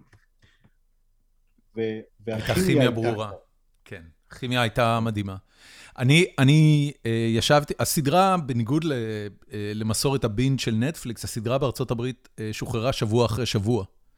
כל סדרה ב-HBO. כן, כן, כן, כן, הם מקפידים על העניין הזה, גם uh, גם דיסני עושים את זה. Uh, מסיבות שאני לא לגמרי מבין, זאת אומרת, הייתי מעדיף שזה יהיה בבינג', אבל בסדר, כל אחד והמתודולוגיה שלו. ליוצר, אני חייב להגיד לך שזה הרבה יותר כיף, כי הסדרה נשארת, היא כאילו יש איזה מין... היא תופסת נפח יותר גדול בזמן. יש איזה חודש וחצי שהיא באוויר כל הזמן. כן. ומדברים עליה ועל כל פרק חדש. גם יוצרים, כי יוצר עוד פעם, אתה לא מאוד אוהב את הבינג'. יש משהו בזה שאתה אומר, תראו, זה פרק של שעה, תשבו, תחשבו רגע עליו, במיוחד תמונות. אז, אז ליוצרים זה טוב, אני חושב. וגם... את, את תמונות, אה, אני, אני אה, ואשתי ראינו בנשימה עצורה. כל כל, כל פרק היה יותר קשה רגשית מקודמו מבחינתי, והסוף הוא לא באמת משאיר אותך נינוח, זאת אומרת, הוא משאיר אותך אולי אפילו יותר לא רגוע מה, מהפרקים הראשונים שבהם הכל מתפוצץ. ואני רוצה לספר לך, למרות שאני אסתכן בטיפ-טיפה להעליב אותך, אני רוצה לספר לך שביקשתי מאחד מהמנהלים אה, בחברה שניהלתי, שיראה את הסדרה. אמרתי לו, תקשיב, זה דבר מדהים, אה, אתה חייב לראות את זה, ובמקביל לזה ביקשתי מחבר ישראלי שלי שיראה את זה. אה, החבר הישראלי כמוני חווה את הסדרה כמו תאונת רכבת בהילוך איטי, וסיפר לי כמה זה ריגש אותו וכמה הוא, הוא ממש בכה בכל בכל סיטואציה קשוחה שם. החבר האמריקאי, שהלך וראה את הסדרה אה, עם אשתו, חזר אליי אחרי כמה שבועות ואומר לי, תגיד לי, מה עשית לי? בשביל מה נתת לי לראות את הדבר הזה? האנשים האלה הם איומים ונוראים, הם מתייחסים אחד לשני כמו זבל גמור. אני, אני ממש הרגשתי נורא עם עצמי על זה שצפיתי בזה. והוא ניו יורקי אה, מאוד מבוסס, אתה יודע, upscale member of society. מה שאתה מתאר הוא, הוא אופייני, הסדרה הזאת היא עבדה לגמרי אחרת באירופה ובישראל כחלק מאירופה מאשר באמריקה. ובמובן מסוים היא סדרה הרבה יותר אירופאית מאשר אמריקאית, יש, יש לי הרבה הרבה מה להגיד על זה. תגיד, אני מת לשמוע. תראה, קודם כל כן, זה שיש בה איזשהו ממד של אה, ייסורים, כן, היא לא, היא לא entertainment במהותה. סדרות אמריקאיות יש בהן יסוד, יש בהן מחויבות מאוד גדולה ל entertainment, לבידור. הקללה.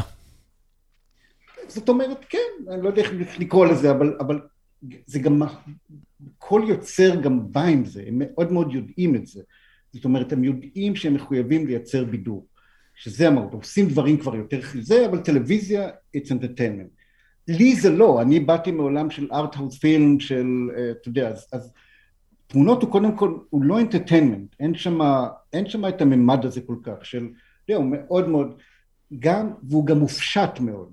סדרות אמריקאיות, הקשר שלהם למקום הוא מאוד מאוד עמוק. כשאתה נכון. חושב על כל סדרה אמריקאית, היא כמעט לא יכולה לקרות בשום מקום אחר מהמקום שבו היא קורית. כן. תמונות, אגב, כמו בטיפול, היא סדרה כמעט מופשטת. היא יכולה, היא כאילו בבוסטון, בבוסטון יש באמת הייטק ויש גם אה, אקדמיה, אז זה מקום נכון להיפגש, אבל אני לא הייתי בבוסטון. ו- ו- והסדרה היא עקרונית בבוסטון, אבל היא לא באמת בבוסטון, והיא יכולה להיות בכל מקום. והמופשטות הזאת היא דבר שמאוד קשה, מאוד קשה לאמריקאים גם. תוסיף את זה שהיא לא נוגעת באיזה פנומן אמריקאי נוכחי, כאילו, שרוב הסדרות גם עוסקות בו, ב... אז, אמ, אז כל העשייה, כל הדבר הזה גרם לאיזשהו, אמ, אני לא הבנתי את זה כמובן כשעשיתי את זה, אבל זה פתאום ראיתי שהתגובות, אה, גם הביקורתיות באירופה הן הרבה, הן מדהימות, ובאמריקה יש איזו הסתייגות, אה, וגם מבחינת ההד שהיא יצרה, כאילו, היא, היא, היא, היא הרבה הרבה יותר בצרפת, איטליה, ישראל, אנגליה, לגמרי, אה, ועוד מקומות שאני פחות אה, יכול לקרוא את הכתבות שלהם. סקנדינביה, השוודים. כמובן, כמובן. כן. ובאמריקה העריכו דדדם דדדם, אבל היא לא נכנסה, היא לא עשתה, התגובה של החבר שלך היא מאוד מאוד אופיינית. איזה קטע, אוקיי. אני, אני שמח שאתה אומר את זה, כי, כי כש, כשהוא אמר לי את זה, הדבר הראשון שחשבתי זה שאם אני אספר לך את זה, אז זה עלול חלילה להעליב אותך. אבל, אבל אני שמח, ש... אני שמח שזה לא. תראה, אני גם מכיר, אני גם מכיר בזה כי אני רואה, אתה יודע, יש את כל הפרסים ואת כל ה... כל, כל עונת הפרסים, אז השחקנים הם כמובן מועמדים וזה, אבל הסדרה עצמה כסדרה היא יותר מדי אזוטרית מכדי להיות בכל, ה, בכל הדבר הזה. כן. כשאתה חושב על White Lotus או על, או על Mare of Easttown, הן סדרות גדולות, אמריקאיות, שיש בהן... אה, אה, אה, העלית את White Lotus, אז אני אשאל ספציפית לגביה. White Lotus מצליחה להעביר מסר חברתי מאוד מאוד ברור, שלא לומר אפילו חתרני, שקורע את ה... אתה יודע, את ההצגה המכונה ריזורט תיירותי. בדיוק לפני שבועיים הייתי בקלאב מד ברפובליקה הדומיניקנית. אתה לא יכול להיכנס למקומות האלה בלי לחשוב על White Lotus. בדיוק, אתה לא יכול. אתה נוסע במיניבוס לריזורט ואתה רואה בצד הדרך את האופנועים הטוקטוקים האלה שמשפחה שלמה מועמסת עליהם בלי קסדות, ואתה אומר, אוקיי, אני ב White Lotus. אבל, אבל, אה, אבל אני אשאל אותך, זה... זה עושה לך חשק, כשאתה רואה משהו כמו White Lotus, זה עושה לך חשק לעשות משהו שהוא כן יהיה entertainment, שהוא כן יהיה מצופה בסוכר אה, ומחליק בגרון? לא כל כך, כלומר, אני, זה מה שאני עושה כל חיי. אה, גם בטיפול הייתה כזאת, היא עשתה כאילו את כל הזה, אבל בסופו של דבר הצופים שלה היו קבוצה מסוימת, יחסית אליטיסטית, אה, שצפתה בזה, שהייתה מוכנה להתחייב לזה, וכך כל שאר הדברים שעשיתי. וגם הנערים, כשאתה חושב על זה, היא סדרה שלכאורה היא שייכת לטרו קריים, אבל היא, היא בכלל לא מחויבת לז'אנר מבחינת הכללים שלו ומבחינת הבידור שאמור להיות. הנערים היא סדרה, אה, ראיתי אותה בבינג', זאת אומרת ראיתי אותה לאורך 48 שעות פחות או יותר. והיא הכבידה לי על הלב ועל הנפש ברמות ש, שאני באמת לא יכולתי לתאר, כאילו בבת אחת,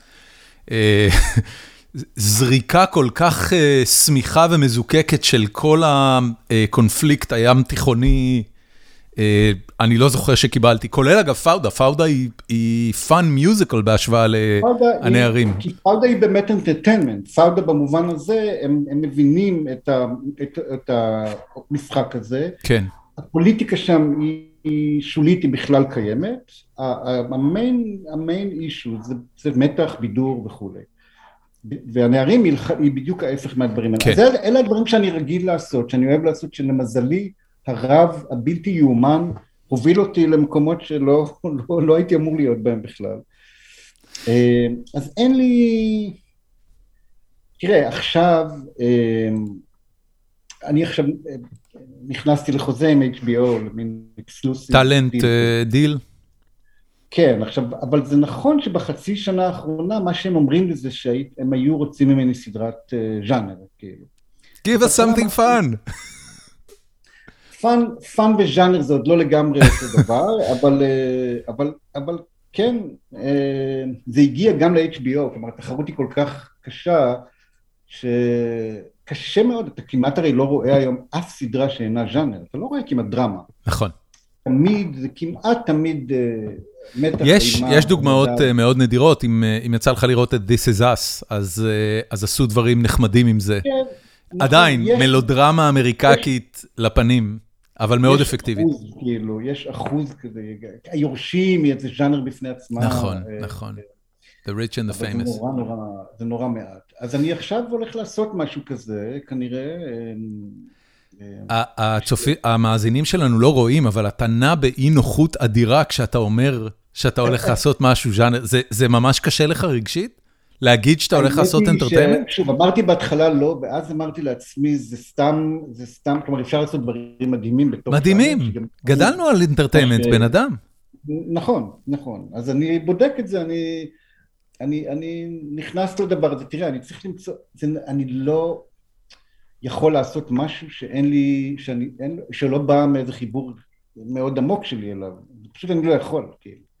אז, אז אני, לא, אני לא יכול לקום בבוקר ולעשות entertainment, זה פשוט אין לי, אין, לי, אין לי את היכולת הזאת. אמ, אני לא, אני לא חושב שאני קראפטמן ברמה כזה, אני עושה את הדברים שמאוד מאוד אני אוהב לעשות, ואז הם יוצאים טוב. אמ, אז אני אצטרך גם פה למצוא איזשהו חיבור. אולי, אה, אולי תצטרך פרטנרים. איך איך נוצר באמת החיבור עם יוסי סידר ועם תאופיק אבו עאיל ב"הנערים"? אתה יודע, שניהם יוצרים, כל אחד אוטור עם עם חזון גם ויזואלי וגם נרטיבי מאוד ברור שליווה אותם. זה מצחיק, אתה יודע, כי אני התחלתי לעבוד על על הנערים וכתבתי עם עוד חבר פיילוט, והם מאוד מאוד אהבו את הפיילוט הזה. אה, ואמרתי לעצמי אני אכתוב פיילוט וילך כי אני רוצה לעשות את תמונות מחיי הנישואים. ואז בעצם פניתי לסידר כי אמרתי אני רוצה איזה יוצר לצידי משמעותי שאני אוכל כזה להיות מהצד יותר ולעשות דברים אחרים. אמר ולא ידע כאילו שלוש שנים אחרי זה לאיזה מקומות אה, אה, הוא נכנס. אבל אה, כן אני עושה שיתופי פעולה אני תמיד משתף פעולה בכל פרויקט שאני עושה. גם, גם בתמונות הייתה לי תסריטאית אמריקאית אה, שעבדה איתי וכמובן בנערים הבאתי את סידר, אני מאוד מאוד, אה, והוא באמת, אה, מה שהוא הביא לסדרה, הסדרה הייתה נראית אחרת לגמרי בלעדיו, כן. היא לא הייתה אותה סדרה. אה, משהו ב, ב, בסירוב של סידר לכל דבר שהוא ז'אנרי או, או מזויף, או לעשות משהו שאנחנו לא יודעים מה הוא, הוא בעצם יזם את ההבאה של תאופיק, כי הוא אמר, תשמע, יש פה מלא סצנות של, של פלסטינים שאין לי מושג איך לעשות אותם, וגם אותך אין. אנחנו צריכים מישהו שמבין בזה. זאת אומרת, הוא, כאילו. הוא, הוא האמין שבלי הרקע התרבותי הנדרש, בן אדם לא יכול לביים סצנה שיש בפלסטינאים. אני גם מאמין בזה. אוקיי. כלומר, אני, אני לא יודע, לא, אני לא חושב... סליחה. אין בעיה.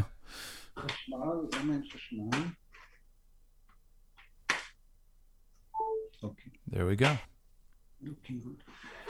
אמ,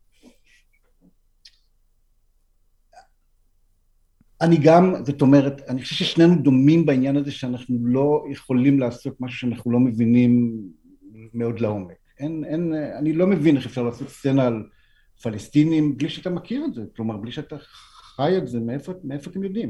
כן. אמ, אז זה היה, אתה יודע, באמריקה זה היה, היו אומרים לך שברמת ברמת הפוליטיקה אתה חייב יוצר פלסטיני, אבל אצלנו זה בא מצורך יצירתי לגמרי, לגמרי ברור. זה, זה, זה מדהים. זה, אגב, התוצאה מדברת בעד עצמה. תקשיב, יש לנו uh, לפורום הזה, יש קבוצה בפייסבוק שנקראת פורום החיים עצמם של גיקונומי, ואני uh, מבעוד מועד מפרסם ש... uh, מי הולך להיות האורח של הפרק, ואנשים מהקהילה שמאזינה לפרקים האלה באופן קבוע, שואלים שאלות. אה, אז יש לי כמה שאלות אליך ממאזינים שלנו, אה, אוקיי. ואני אתחיל עם אה, שאלה של שחר רודריג, שפתח במילים, מרוב התרגשות לנוכח הכישרון, אני לא בטוחה שאצליח לגרד את השאלות הכי בוערות. ואז היא כתבה ככה, באיזה גיל הבנת שאתה רוצה לכתוב? מה היה הדבר הראשון שכתבת, והאם אתה רואה את ההשתקפות של הדבר ההוא בדברים שאתה יוצר עכשיו?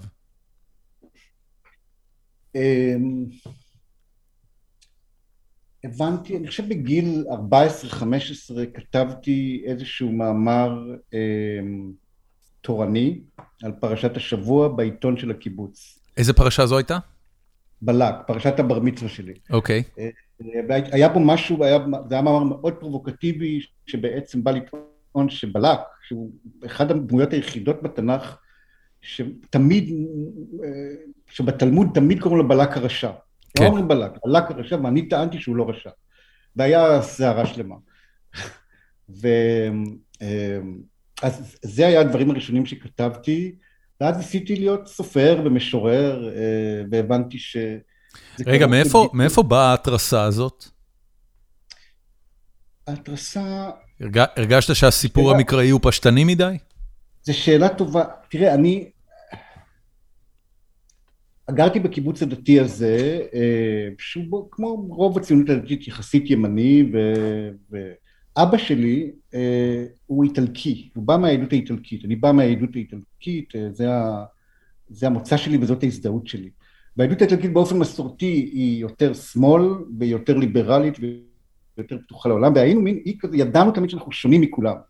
וגם אבא שלי בעצם היה מין דמות כזאת שהיה אומר את הדברים אח, אחרת, הוא היה, הוא היה שמאלני, כן. בתוך הקיבוץ הזה. אז אני חושב ששם נזרעה איזה מין משהו שאתה פתאום בוחן כל דבר מחדש, ו- ולא מוכן לקבל שום מוסכמה כמו שהיא. ו... זה, זה, זה משהו שאבא שלך ממש הסליל אותך, או מזה שראית אותו, חיכית לא, אותו? לא, היינו כאלה. קיבלנו כל יום עיתון הארץ, זה, זה, זה, זה הזיה, אף אחד לא ידע מה זה בכלל הדבר הזה. זה... אוקיי. Okay. אז, אז אתה מרגיש שונה מראש, כאילו. אז מתוך, ה, מתוך המתח הזה של התחושות הפנימיות שלך שונות ממה שאתה רואה בחוץ, מתוך זה יצא הרצון לכתיבה? כן, אני חושב, כן. והיום כשאתה יושב לכתוב משהו כמו הנערים, או כשאתה עושה רימייק של דמויות מחיי נישואים, המרדנות הזאת עוד נמצאת שם, או שאתה מכוון לדברים אחרים? זה נורא, זה נורא יפה, כי אני, אתה, אני חייב בכל דבר שאני עושה שיהיה אלמנט מסוים של התרסה. אני כמעט לא יכול לעבוד בלי זה. אה, של, הנערים למשל, כולו, האנרגיה שהייתה מאחוריו הייתה אנרגיה שאומרת, שאלנו אנשים על סיפור אבו חדיר, כולם אמרו, כן, זה היו כמה קיצונים ימנים שהרגו אותו, כמה נערי גבעות. כן. ואמרתי, אתם לא יודעים כלום, זה לא נכון, זה בכלל נכון, זה הרבה יותר מורכב מזה, זה הרבה יותר מעניין מזה, ויש איזה מין, או, או, או בטיפול, שהיה מין משהו שכאילו ראיתי ייצוגים של טיפול על המסך, כמו בסופרנוס היו אז וזה, וזה עצבן אותי וזה הרגיז אותי, כי זה עולם שהוא כל כך אה, משמעותי בחיי, שאמרתי אני חייב, תמיד יש, תמיד יש דבר כזה, אה, אה, איזה אלמנט של התרסה, שאם אין לי אותו אני מתקשה לעבוד, ולכן אתה, הסדרת אתה, אתה אומר התרסה, אבל זה יותר מהתרסה, אתה בעצם אומר, כמו שאתם חושבים, כמו שזה נראה לכם, וכמו שזה באמת, זה לא אותו דבר. זאת אומרת, זה לא התרסה, זה חשיפת האמת. זה, זה משל המערה של אפלטון בגרסה נכון. הפרטית שלך, אני אוציא אתכם מהמערה. נכון, נכון, במידה מסוימת כן, זה לחתור נגד איזשהו קונצנזוס. אני אומר התרסה כי יש בזה גם מימד כזה של אנרגיה, אנרגיה כזאת של מרדנות ש, שעוזר לי, ב, לי בעבודה, כאילו, הוא מניע. כן, אוקיי. אמ, עוד המשך לשאלה הזאת של שחר, אה, מה לדעתך, או האם יש קו בין טרש לאיכות לאור, אה, לאור היסטוריית הסדרות שיצא לך להיות מעורב בהן? בין מה? בין טרש לאיכות. אז מה השאלה, אם יש... אני, אני אולי אשאל, איפה אצלך, אמ, איפה אצלך מסומן הקו בין טרש לאיכות? דיברנו בשיחה הזאת גם על דברים שאתה לא מוכן כבר לצפות כן. בהם ברוב שהם טרש בעיניך, עד לרמה שאתה אפילו לא מכיר אותם. אה, אני יודע עליהם, אני רואה ארץ נהדרת לפעמים, אז אני משם... אתה רואה את ההשתקפות התרבותית שלהם במערכונים. אה, אבל איפה אצלך, זאת אומרת, איפה אצלך עובר הקו הזה? מה זה בעיניך איכות? מה בעיניך כבר חוצה את הקווים למקומות שאתה אומר, לא מעניין אותי ללכת לשם? אני, לא, אני, אני יכול להגיד שברגע שאני עושה את מה שבעיניי הוא חשוב, שהשיקול שלי הוא אישי, יצירתי, אומנותי, ולא שיקולים מסחריים, אז, אז, אז אני מרגיש שאני במקום נכון. כאילו. אוקיי. Okay. אני עושה יותר מדי, ולכן כל חיי באמת הייתי בערוצי כבלים או סטרימרים, זה מקום שמאוד נוח לי להיות שם עם הגישה הזאת. שקלת פעם להיות בברודקאסט? זאת אומרת, באו אליך, אתה יודע, קשת זה בסופו של דבר ברודקאסט, כן. אז עבדתי שם שנתיים, הייתי האיש הלא נכון במקום הלא נכון. אה, לא, אה, מעולם לא רציתי, הבנתי מאוד מוקדם שאני לא...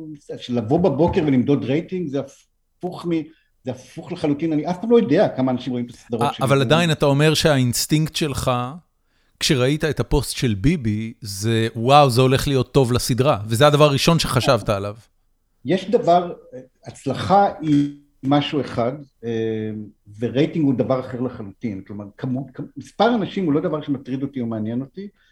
אה, חותם תרבותי מאוד מעניין אותי. אני רוצה שהסדרות שאני עושה יעשו, יעוררו דיון, יעוררו פולמוס, אה, יהיה להם איזושהי תביעת רגל תרבותית, שהם יצאו ממדורי הטלוויזיה כמו בספר הזה, ויעברו ל... זה בעיניי, זה מה שאני חותר אליו, וזאת הצלחה מבחינתי. אז כן, אז ברגע שביבי בא, אז כן. אוקיי. Okay. טוב, אה, יואב רימון שואל, אה, מה אמור לעשות בן אדם שאינו מהתעשייה ויש לו רעיון לסרט סדרה ותסריט כתוב? וואו, אה, שיהיה לי דולר על כל פעם ש... תיארתי לעצמי, אבל זו שאלה נורא טובה, אתה יודע, אנשים באמת כאילו, יש להם חלומות על הדבר הזה.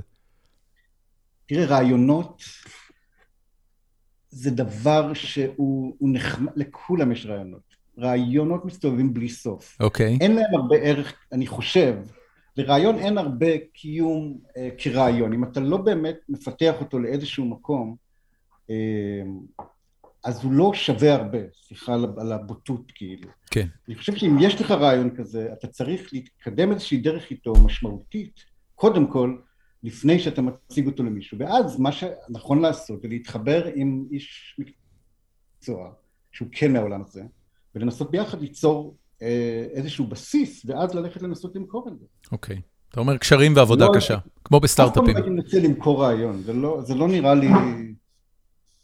אה, יש משהו שנתקלת בו פעם, שאמרת, הרעיון הוא מצוין וכל מה שקרה אחרי זה רק חרב את זה?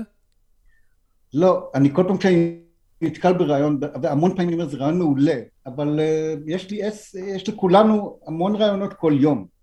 אני זוכר אגב שכששמעתי על בטיפול פעם ראשונה, יותר מכל דבר אחר, המם אותי הרעיון. זאת אומרת, היה בו משהו, התרסה נגדית מוחלטת לקונספט שמדובר בסיטואציה משעממת. אה, אה, כן. זאת אומרת, היה בזה משהו, היה בזה, סליחה שאני אומר את המילה הזאת, אבל היה בזה גימיק. כן, או, או מילה אחרת שאני שונא, פורמט. כן. אה, זה נכון, אבל תשים לב למשל, כש... כשאנשים קונים את בטיפול, אוקיי? הם קונים את הפרופרטי. הם לא קונים את הרעיון, הרעיון הוא כמעט אגב בלתי מוגן משפטית, אפשר לשנות איקס דברים ואתה כבר לא מוגן. הם קונים את התוכן שלו, ההצלחה של בטיפול בסופו של דבר היה כל האנשים המדהימים שכתבו אותה והפיתוח של הרעיון הזה שהיה מאוד מאוד ארוך ומסובך הרעיון עצמו היה יכול, להפך, הרעיון עצמו היה יכול להוכיח לך שאתה צודק שזה לא יכול לעבוד. כן. כי, כי, כי, אז, אז, אני, אז אני, נכון. אני חייב להגיד לך, אה, חגי, זה נשמע נורא נורא דומה לפורמט. זאת אומרת, מה שאתה מתאר, אתה, אתה, אתה בעצם, ואני, ואני מכיר חשיבה של מפיקים מסחרים, הם בעצם אומרים, תשמע, שמעת בעבר על סדרות על פסיכולוגים, זה תמיד שעמום המוות. הבחור הזה הצליח לפצח. הוא הצליח לעשות סדרה סופר מעניינת על פסיכולוגים. חייבים לקנות את זה. נכון. ההבדל בין פורמט לסדרת דרמה, אבל הוא בפורמט, נגיד, בעולם המשחקים או הריאליטי, באמת פיתוח מסוים של הפורמט עצמו הוא פחות או יותר הדבר, ואתה יכול לנסות ללכת עם זה. בעולם הדרמה הרעיון הוא, הוא, הוא, הוא דבר מאוד קטן בעיניי.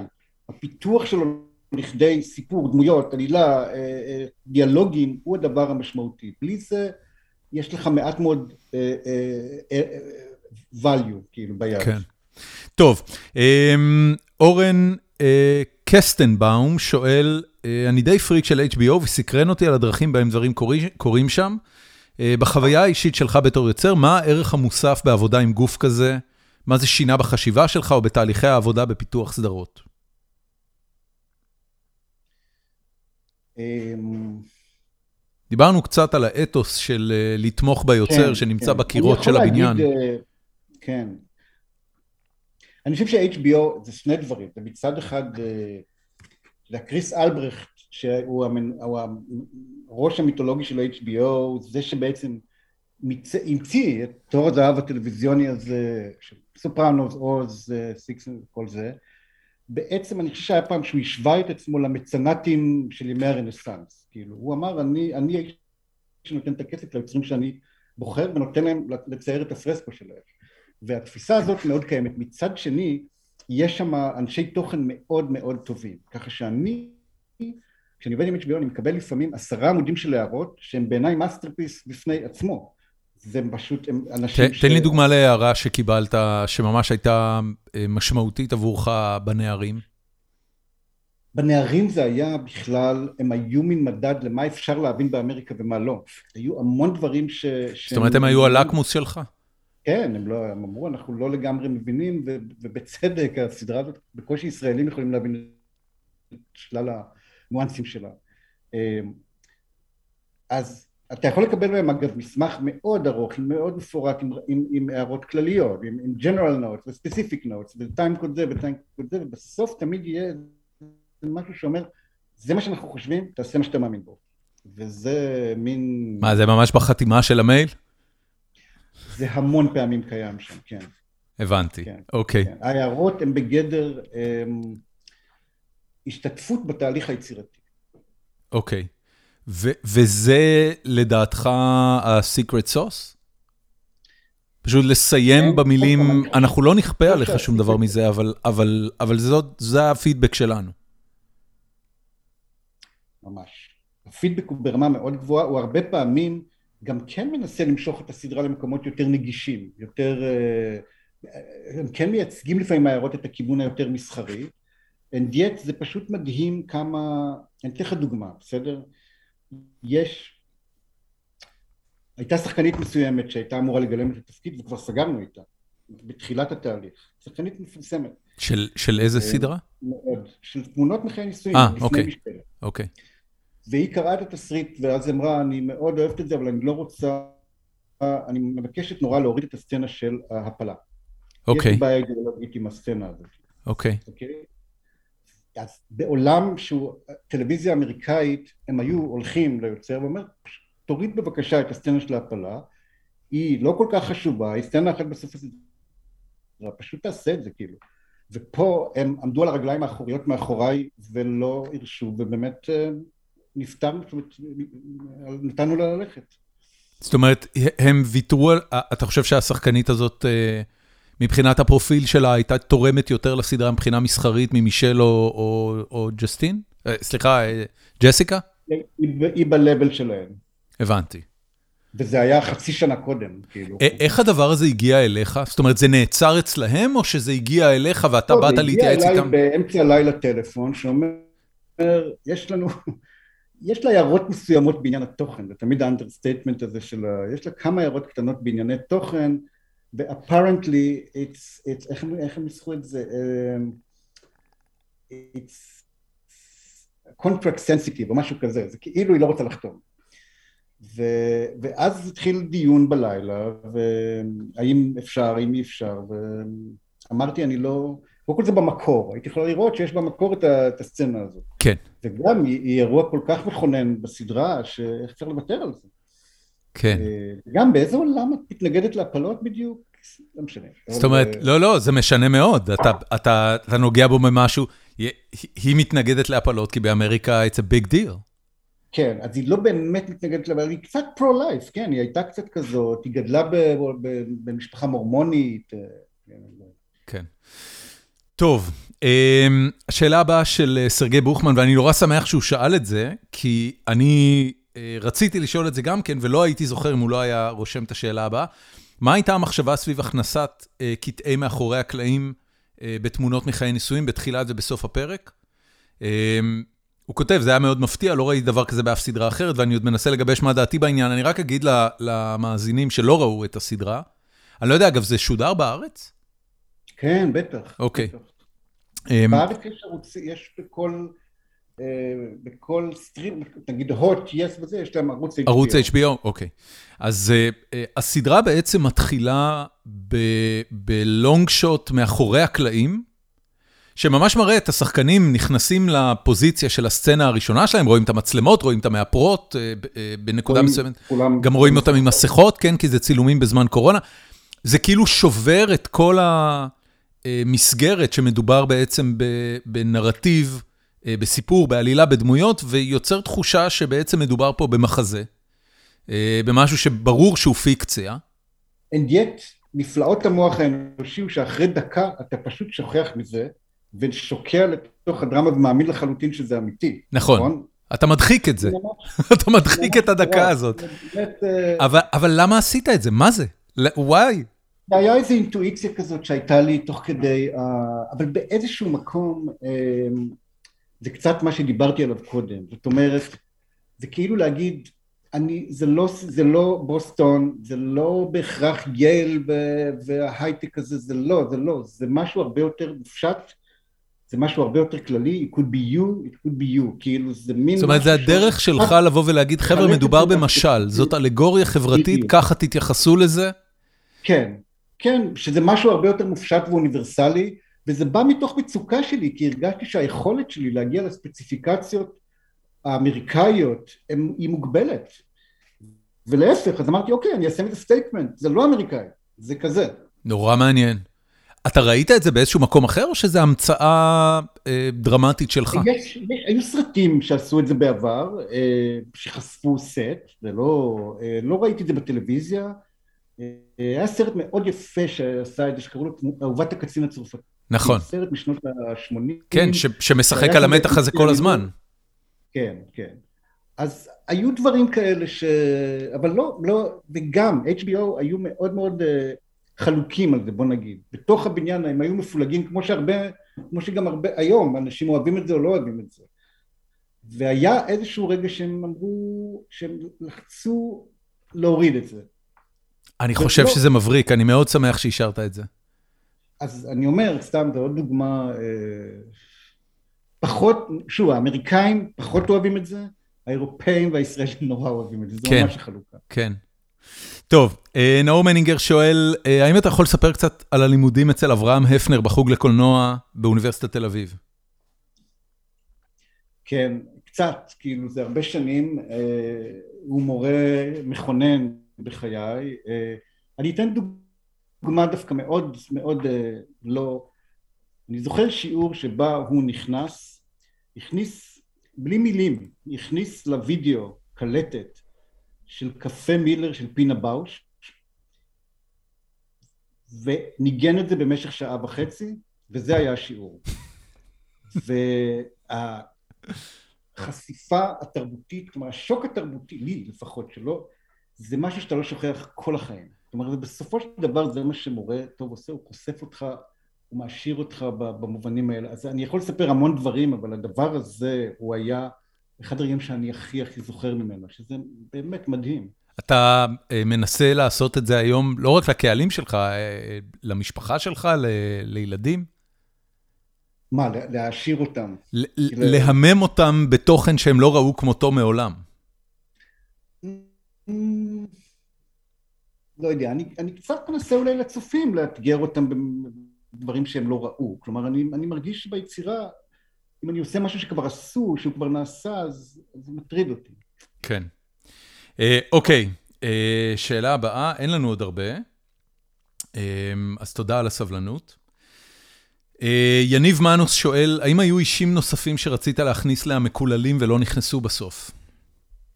כן, וואו, שאלה מעולה. כן, כן, היו כמה וכמה... אולי ניתן כמה מילים של רקע על הסדרה המקוללים. אני בוודאי לא שמעתי עליה עד, ש... עד שקראתי בביוגרפיה שלך, כי היא לא שודרה בארצות הברית. לא, לא, היא לא. היא סדרה שאחרי בטיפול אמרתי, עכשיו אני חייב לעשות משהו שהוא סופר לוקאלי, רק מקומי, רק הרגישויות שלי, אני אקח את הקרדיט שנותנים לי פה עד הסוף ויעשה משהו שהוא ברמת ה... זה מאוד ברגמני מצידך. אני, אני צריך לעשות משהו שבו לא אכפת לי מהקהל בכלל. אבל זה לא באמת, מה ש...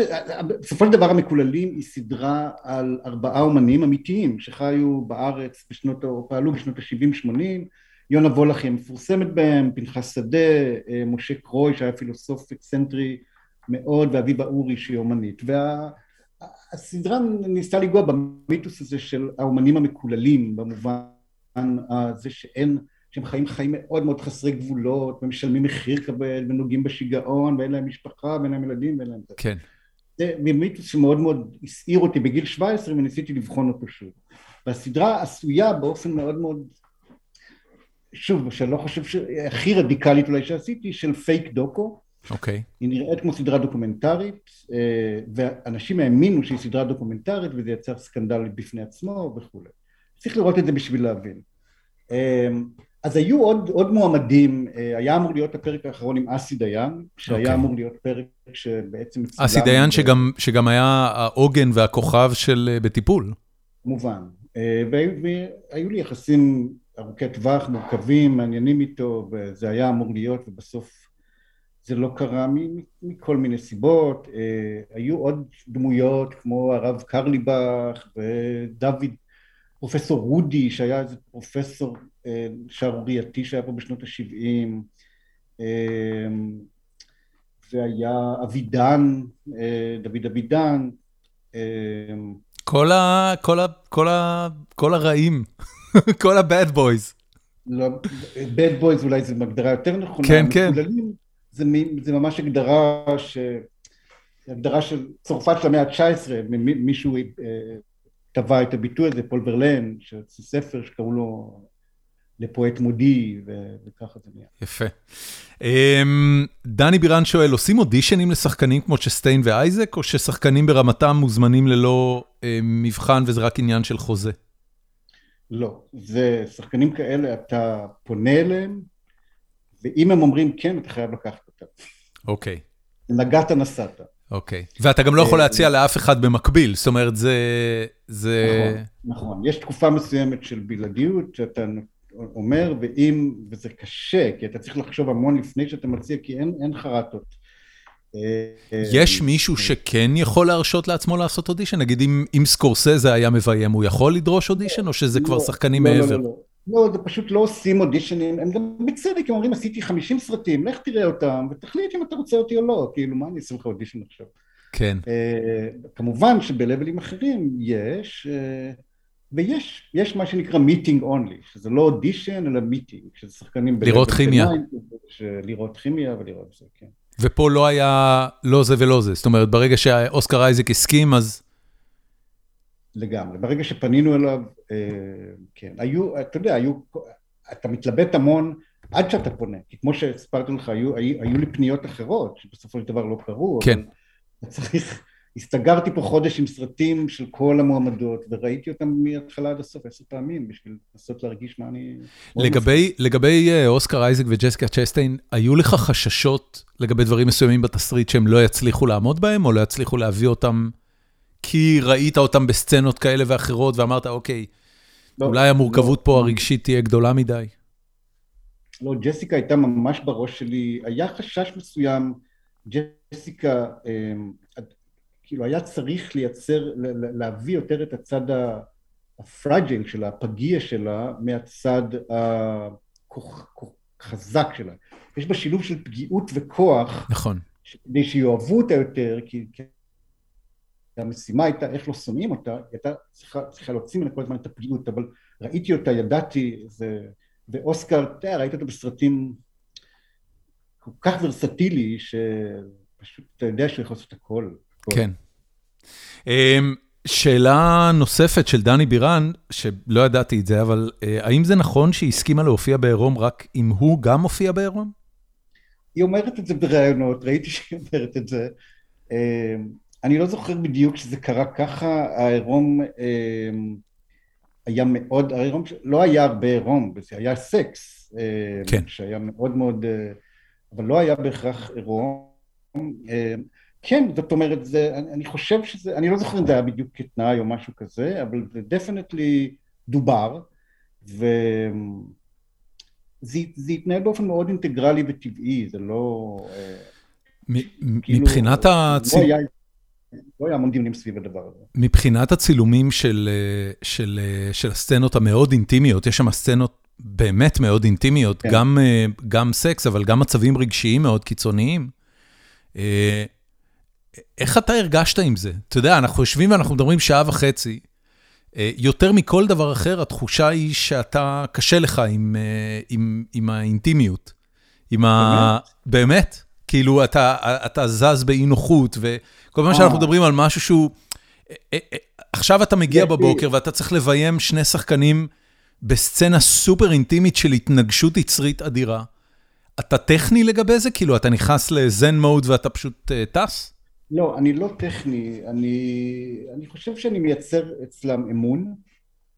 אני חושב שזה דבר נורא חשוב לייצר אצל שחקנים אמון ומין סייף זון, תחושה שאתה רוצה לראות אותם עושים את הדברים האלה וששום דבר לא יקרה להם כביכול.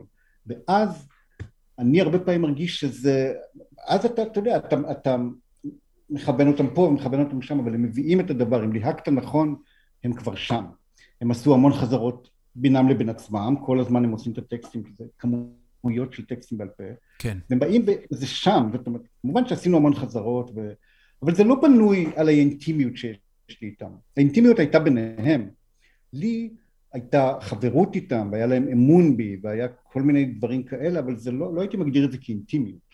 כמה, כמה אנשים יש על הסט כשהם מצלמים סצנות כאלה? כשמצלמים סצנת סקס אין אף אחד על הסט. אה, מה, צלם, במאי והשחקנים? צלם, הבמאי והשחקנים, המוניטורים בכל האולפן, יש שם 100 איש נגיד מסביב, אז כן. הם מחובים. אה, אני גם גירשתי את הסאונדמן, שבעולם האיגודים האמריקאי כל דבר כזה זה דיון נורא גדול, אבל אמרתי, תלך מפה. ואז אני מרגיש נוח. אני צריך להרגיש גם... אה, כמו שאתה אולי מזה, כן, אני צריך להרגיש לא במבוכה, כאילו. בטח. כשחקנים, אז כן. טוב, אמ, שאלה אחרונה של נדב פרסט, האם אתה מרגיש שהסערים, שהסדרה הנערים הצליחה להשפיע על החברה היהודית בישראל? וואו, אמ, עד כמה שיצירת אומנות בכלל יכולה להשפיע, אני לא יודע, אני, קשה לי להגיד. אני חושב שמה שהשפיע במידה מסוימת זה שהיא חשפה את הצופים הישראלים לשכול פלסטיני באופן שלא היה קודם. אני חושב שגדלנו הרבה פעמים אה, על התפיסה שפחות אכפת להם, פחות כאילו... כן. קדושת החיים אצלנו במדרגה גבוהה כן, יותר. כאילו זה, והיגון, השכול שיש על המסך למשפחה פלסטינית הוא דבר שאני חושב שאולי לא ראו קודם ושינה איזה שהן תפיסות אה, אה, איזה ש... זה, זה מזיז מילימטר, אבל משהו, כאילו. אני חושב שאולי זה דווקא. אתה, אתה, זה, זה לא נשמע שאתה חושב שהדבר הזה טלטל את עולמם של מישהו. אתה, אתה חושב שאומנות באופן כללי מזיזה הרבה, או שזה ממש מרג'ינל? לא, היא מטלטלת, אומנות, אבל קשה לדבר עליה במובנים של שינוי עמדות, כאילו. זה משהו יותר מורכב כן. היא, היא מטלטלת אותך, היא לוקחת אותך למקומות, אבל אני לא, לא מכיר הרבה פעמים ש, שסדרה גורמת לך לשנות. אה, זה דבר, אני זוכר שראיתי את JFK ו, וכן, והרגשתי שכל עולמי מטולטל ו, ואני פתאום לא סומך על אף אחד. יש כאלה. JFK, קווין קוסטנר, אה, אוליבר סטון? למה דווקא זה? אני לא יודע, זה היה קצת אחרי לבנון. אה, היה שם משהו בסרט הזה שאומר, אתה לא מאמין, אתה כאילו משקרים לך מכל כיוון, זה היה זמן שבו צה"ל נגיד אה, התפרק לי, האמון שיש לי בו. אה, אוקיי. אחי, אחי נהרג בלבנון. הבנתי. זה היה קשור לזה, אז כאילו היה קשור לאיזה מין, וראיתי איך מערכות מנסות לטייח או לדבר או זה, כל מיני דברים, אז פשוט היה איזה מין רגע שבו אתה... התבגרת. כאילו, כן. ראית את הבולשיט של כל המערכות. מה? אני אומר, ראית את הבולשיט של מערכות uh, שלטוניות.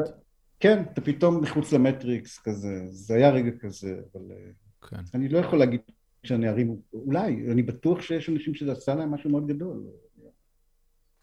טוב, uh, חגי, אנחנו סיימנו. Uh, הספר הנערים פולמוס נמצא עכשיו בחנויות כן. הספרים, הוצאת עם עובד, לא זמין עדיין להפצה דיגיטלית, אני מקווה שזה יגיע במהרה. אה, כן. חיפשתי אותו באתר עברית, אבל לא לא מצאתי, אבל בכל מקרה אני אשים לינק בעמוד הפרק. אה, והנערים ותמונות מחיי נישואים נמצא ב-HBO, אה, לאמריקאים שמאזינים לנו HBO Max. איפה אפשר לראות... נמצאים ב... איפה אפשר לראות היום את בטיפול ואת העבודות היותר מוקדמות שלך? זה עוד זמין איפשהו? בטיפול זמין עדיין בהוט לדעתי, בארץ. הוא לא זמין באמריקה לצערי בגלל נושא זכויות, כי שום דבר לא יכול להיכנס חוץ מ... אבל בארץ זה זמין. אמ, המקוללים אני עובד על זה, אני רוצה שהוא יהיה זמין. אמ, תמיד אפשר אני, לעלות. ליוטיוב, בן אדם. נכון, זה כאילו לא לגמרי הזכויות שלי, יש שם את הוט וערוץ 8 וכולי, אז יותר מורכב מלעלות את זה בחינם ליוטיוב, אבל זה בעבודה. יפה. אה, מה הדבר הבא? מה, על מה נשמע בקרוב? אז אני, יש כמה דברים, אבל בגדול אני חושב שאני אתחיל לעבוד באינטנסיביות על סדרה, סדרת ז'אנר אמריקאית, סדרת, אה, אבל אני מאמין שהיא תהיה לחלוטין לא, לא ז'אנרית באופייה, אה, אבל התחלתי לעבוד עליה, זה על פי ספר, אה, ספר ישראלי, אני לא יכול עוד לגמרי לתת פרטים כי עוד לא ממש התחלתי. יפה. כמה הם יודיעו על זה בקרוב. אני אאחל לך המון בהצלחה, חגי, והמון המון תודה שפינית את הזמן. לקח חצי שנה, אבל בסוף עשינו את זה. כן, ממש נהניתי, תודה רבה. תודה לך.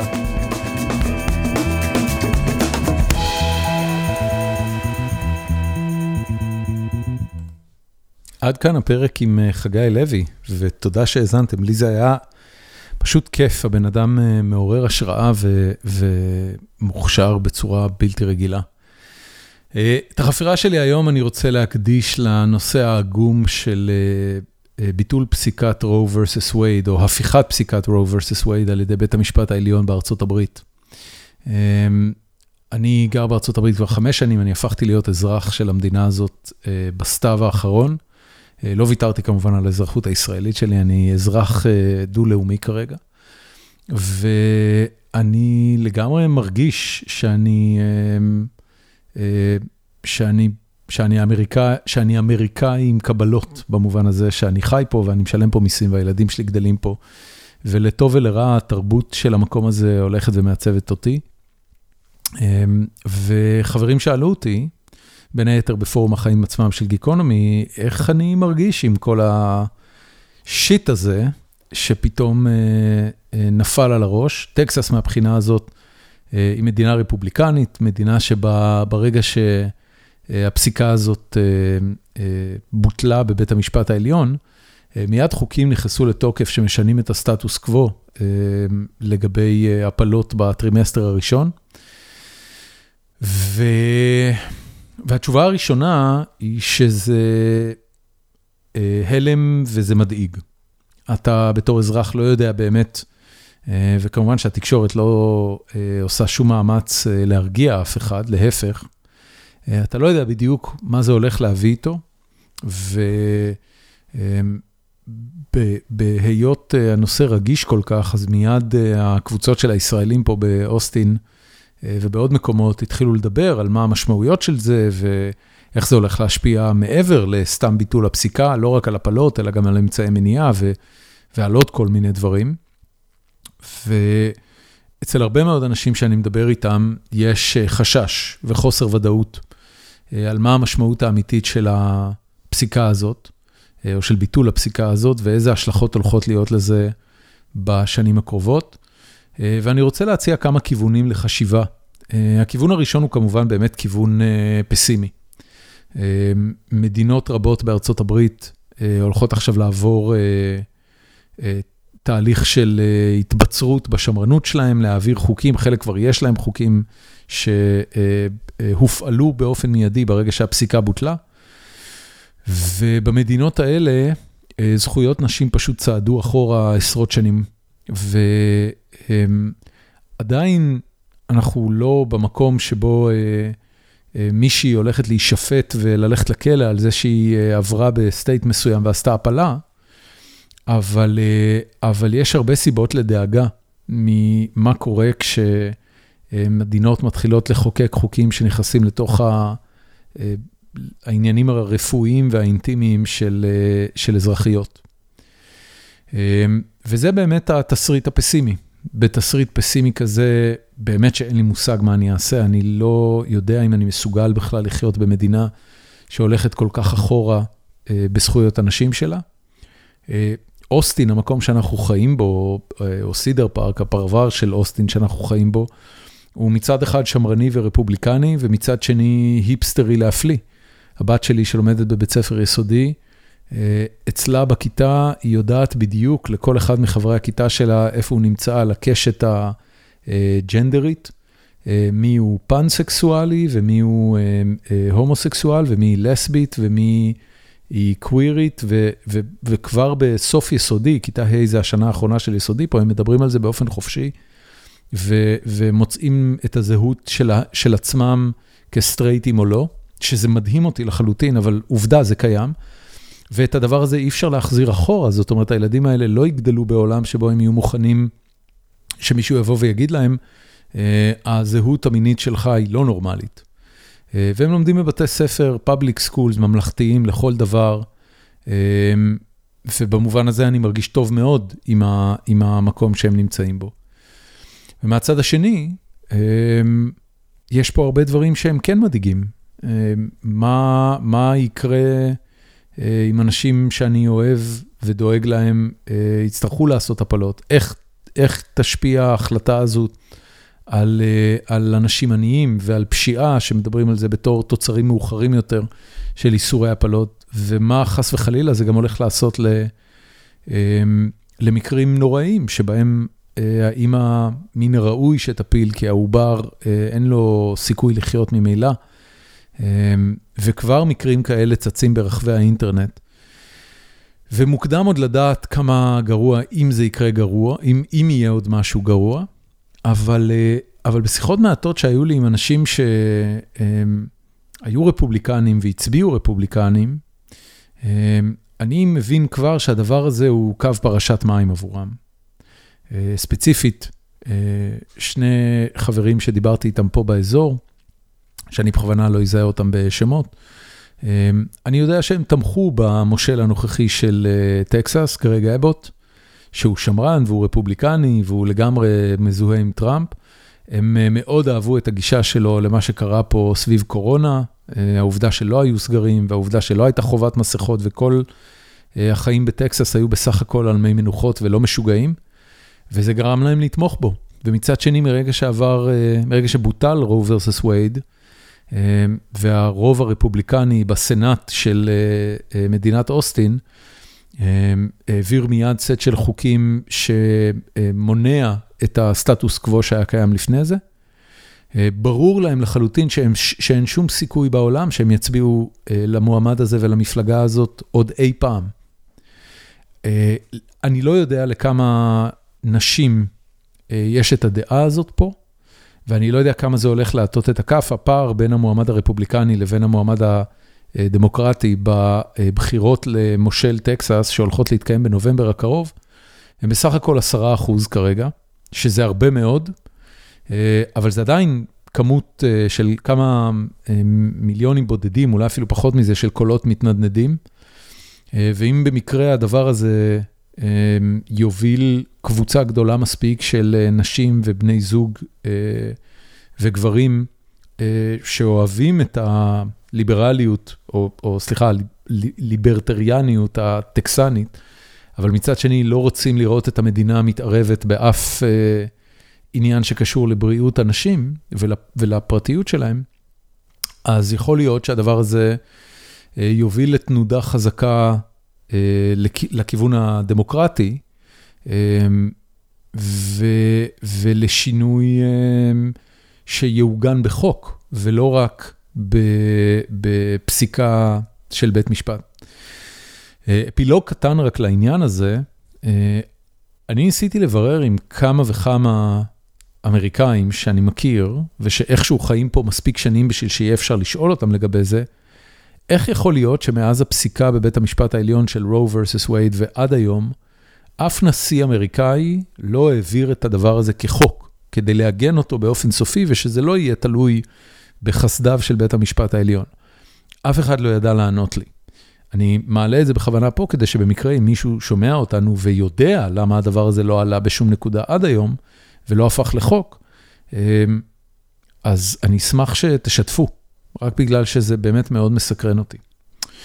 אה, כמעט סיימתי, ורק עוד דבר אחד קטן לפני שניפרד. אה, אני עוקב בפייסבוק אחרי אריה עמית. אריה עמית היה ניצב במשטרה, אם אני לא טועה, הוא היה אה, אחראי על מחוז ירושלים, והוא היה אישיות ציבורית, בן אדם עם דעות מוצקות ועמוד שדרה די חזק, והוא נוהג לשתף פוסטים ברשתות חברתיות על בסיס קבוע, ואני בסך הכל מחבב את הדעות שלו, ואני בעיקר מחבב את הנחרצות שבה הוא מתקשר אותם. ואני ניסיתי לשכנע אותו שיבוא לגיקונומי, אמ, ושלחתי לו הודעה לפני כמה שבועות, והוא ענה לי בפסקנות, לא מעניין אותי. ממש ככה. אה, וזה מאוד הפתיע אותי מצד אחד, אה, אבל אמרתי, אוקיי, אני אניח לזה, אולי אה, זה ישתנה עם הזמן, ואולי, ואולי זה באמת האיש ולא בא לו. ואז לפני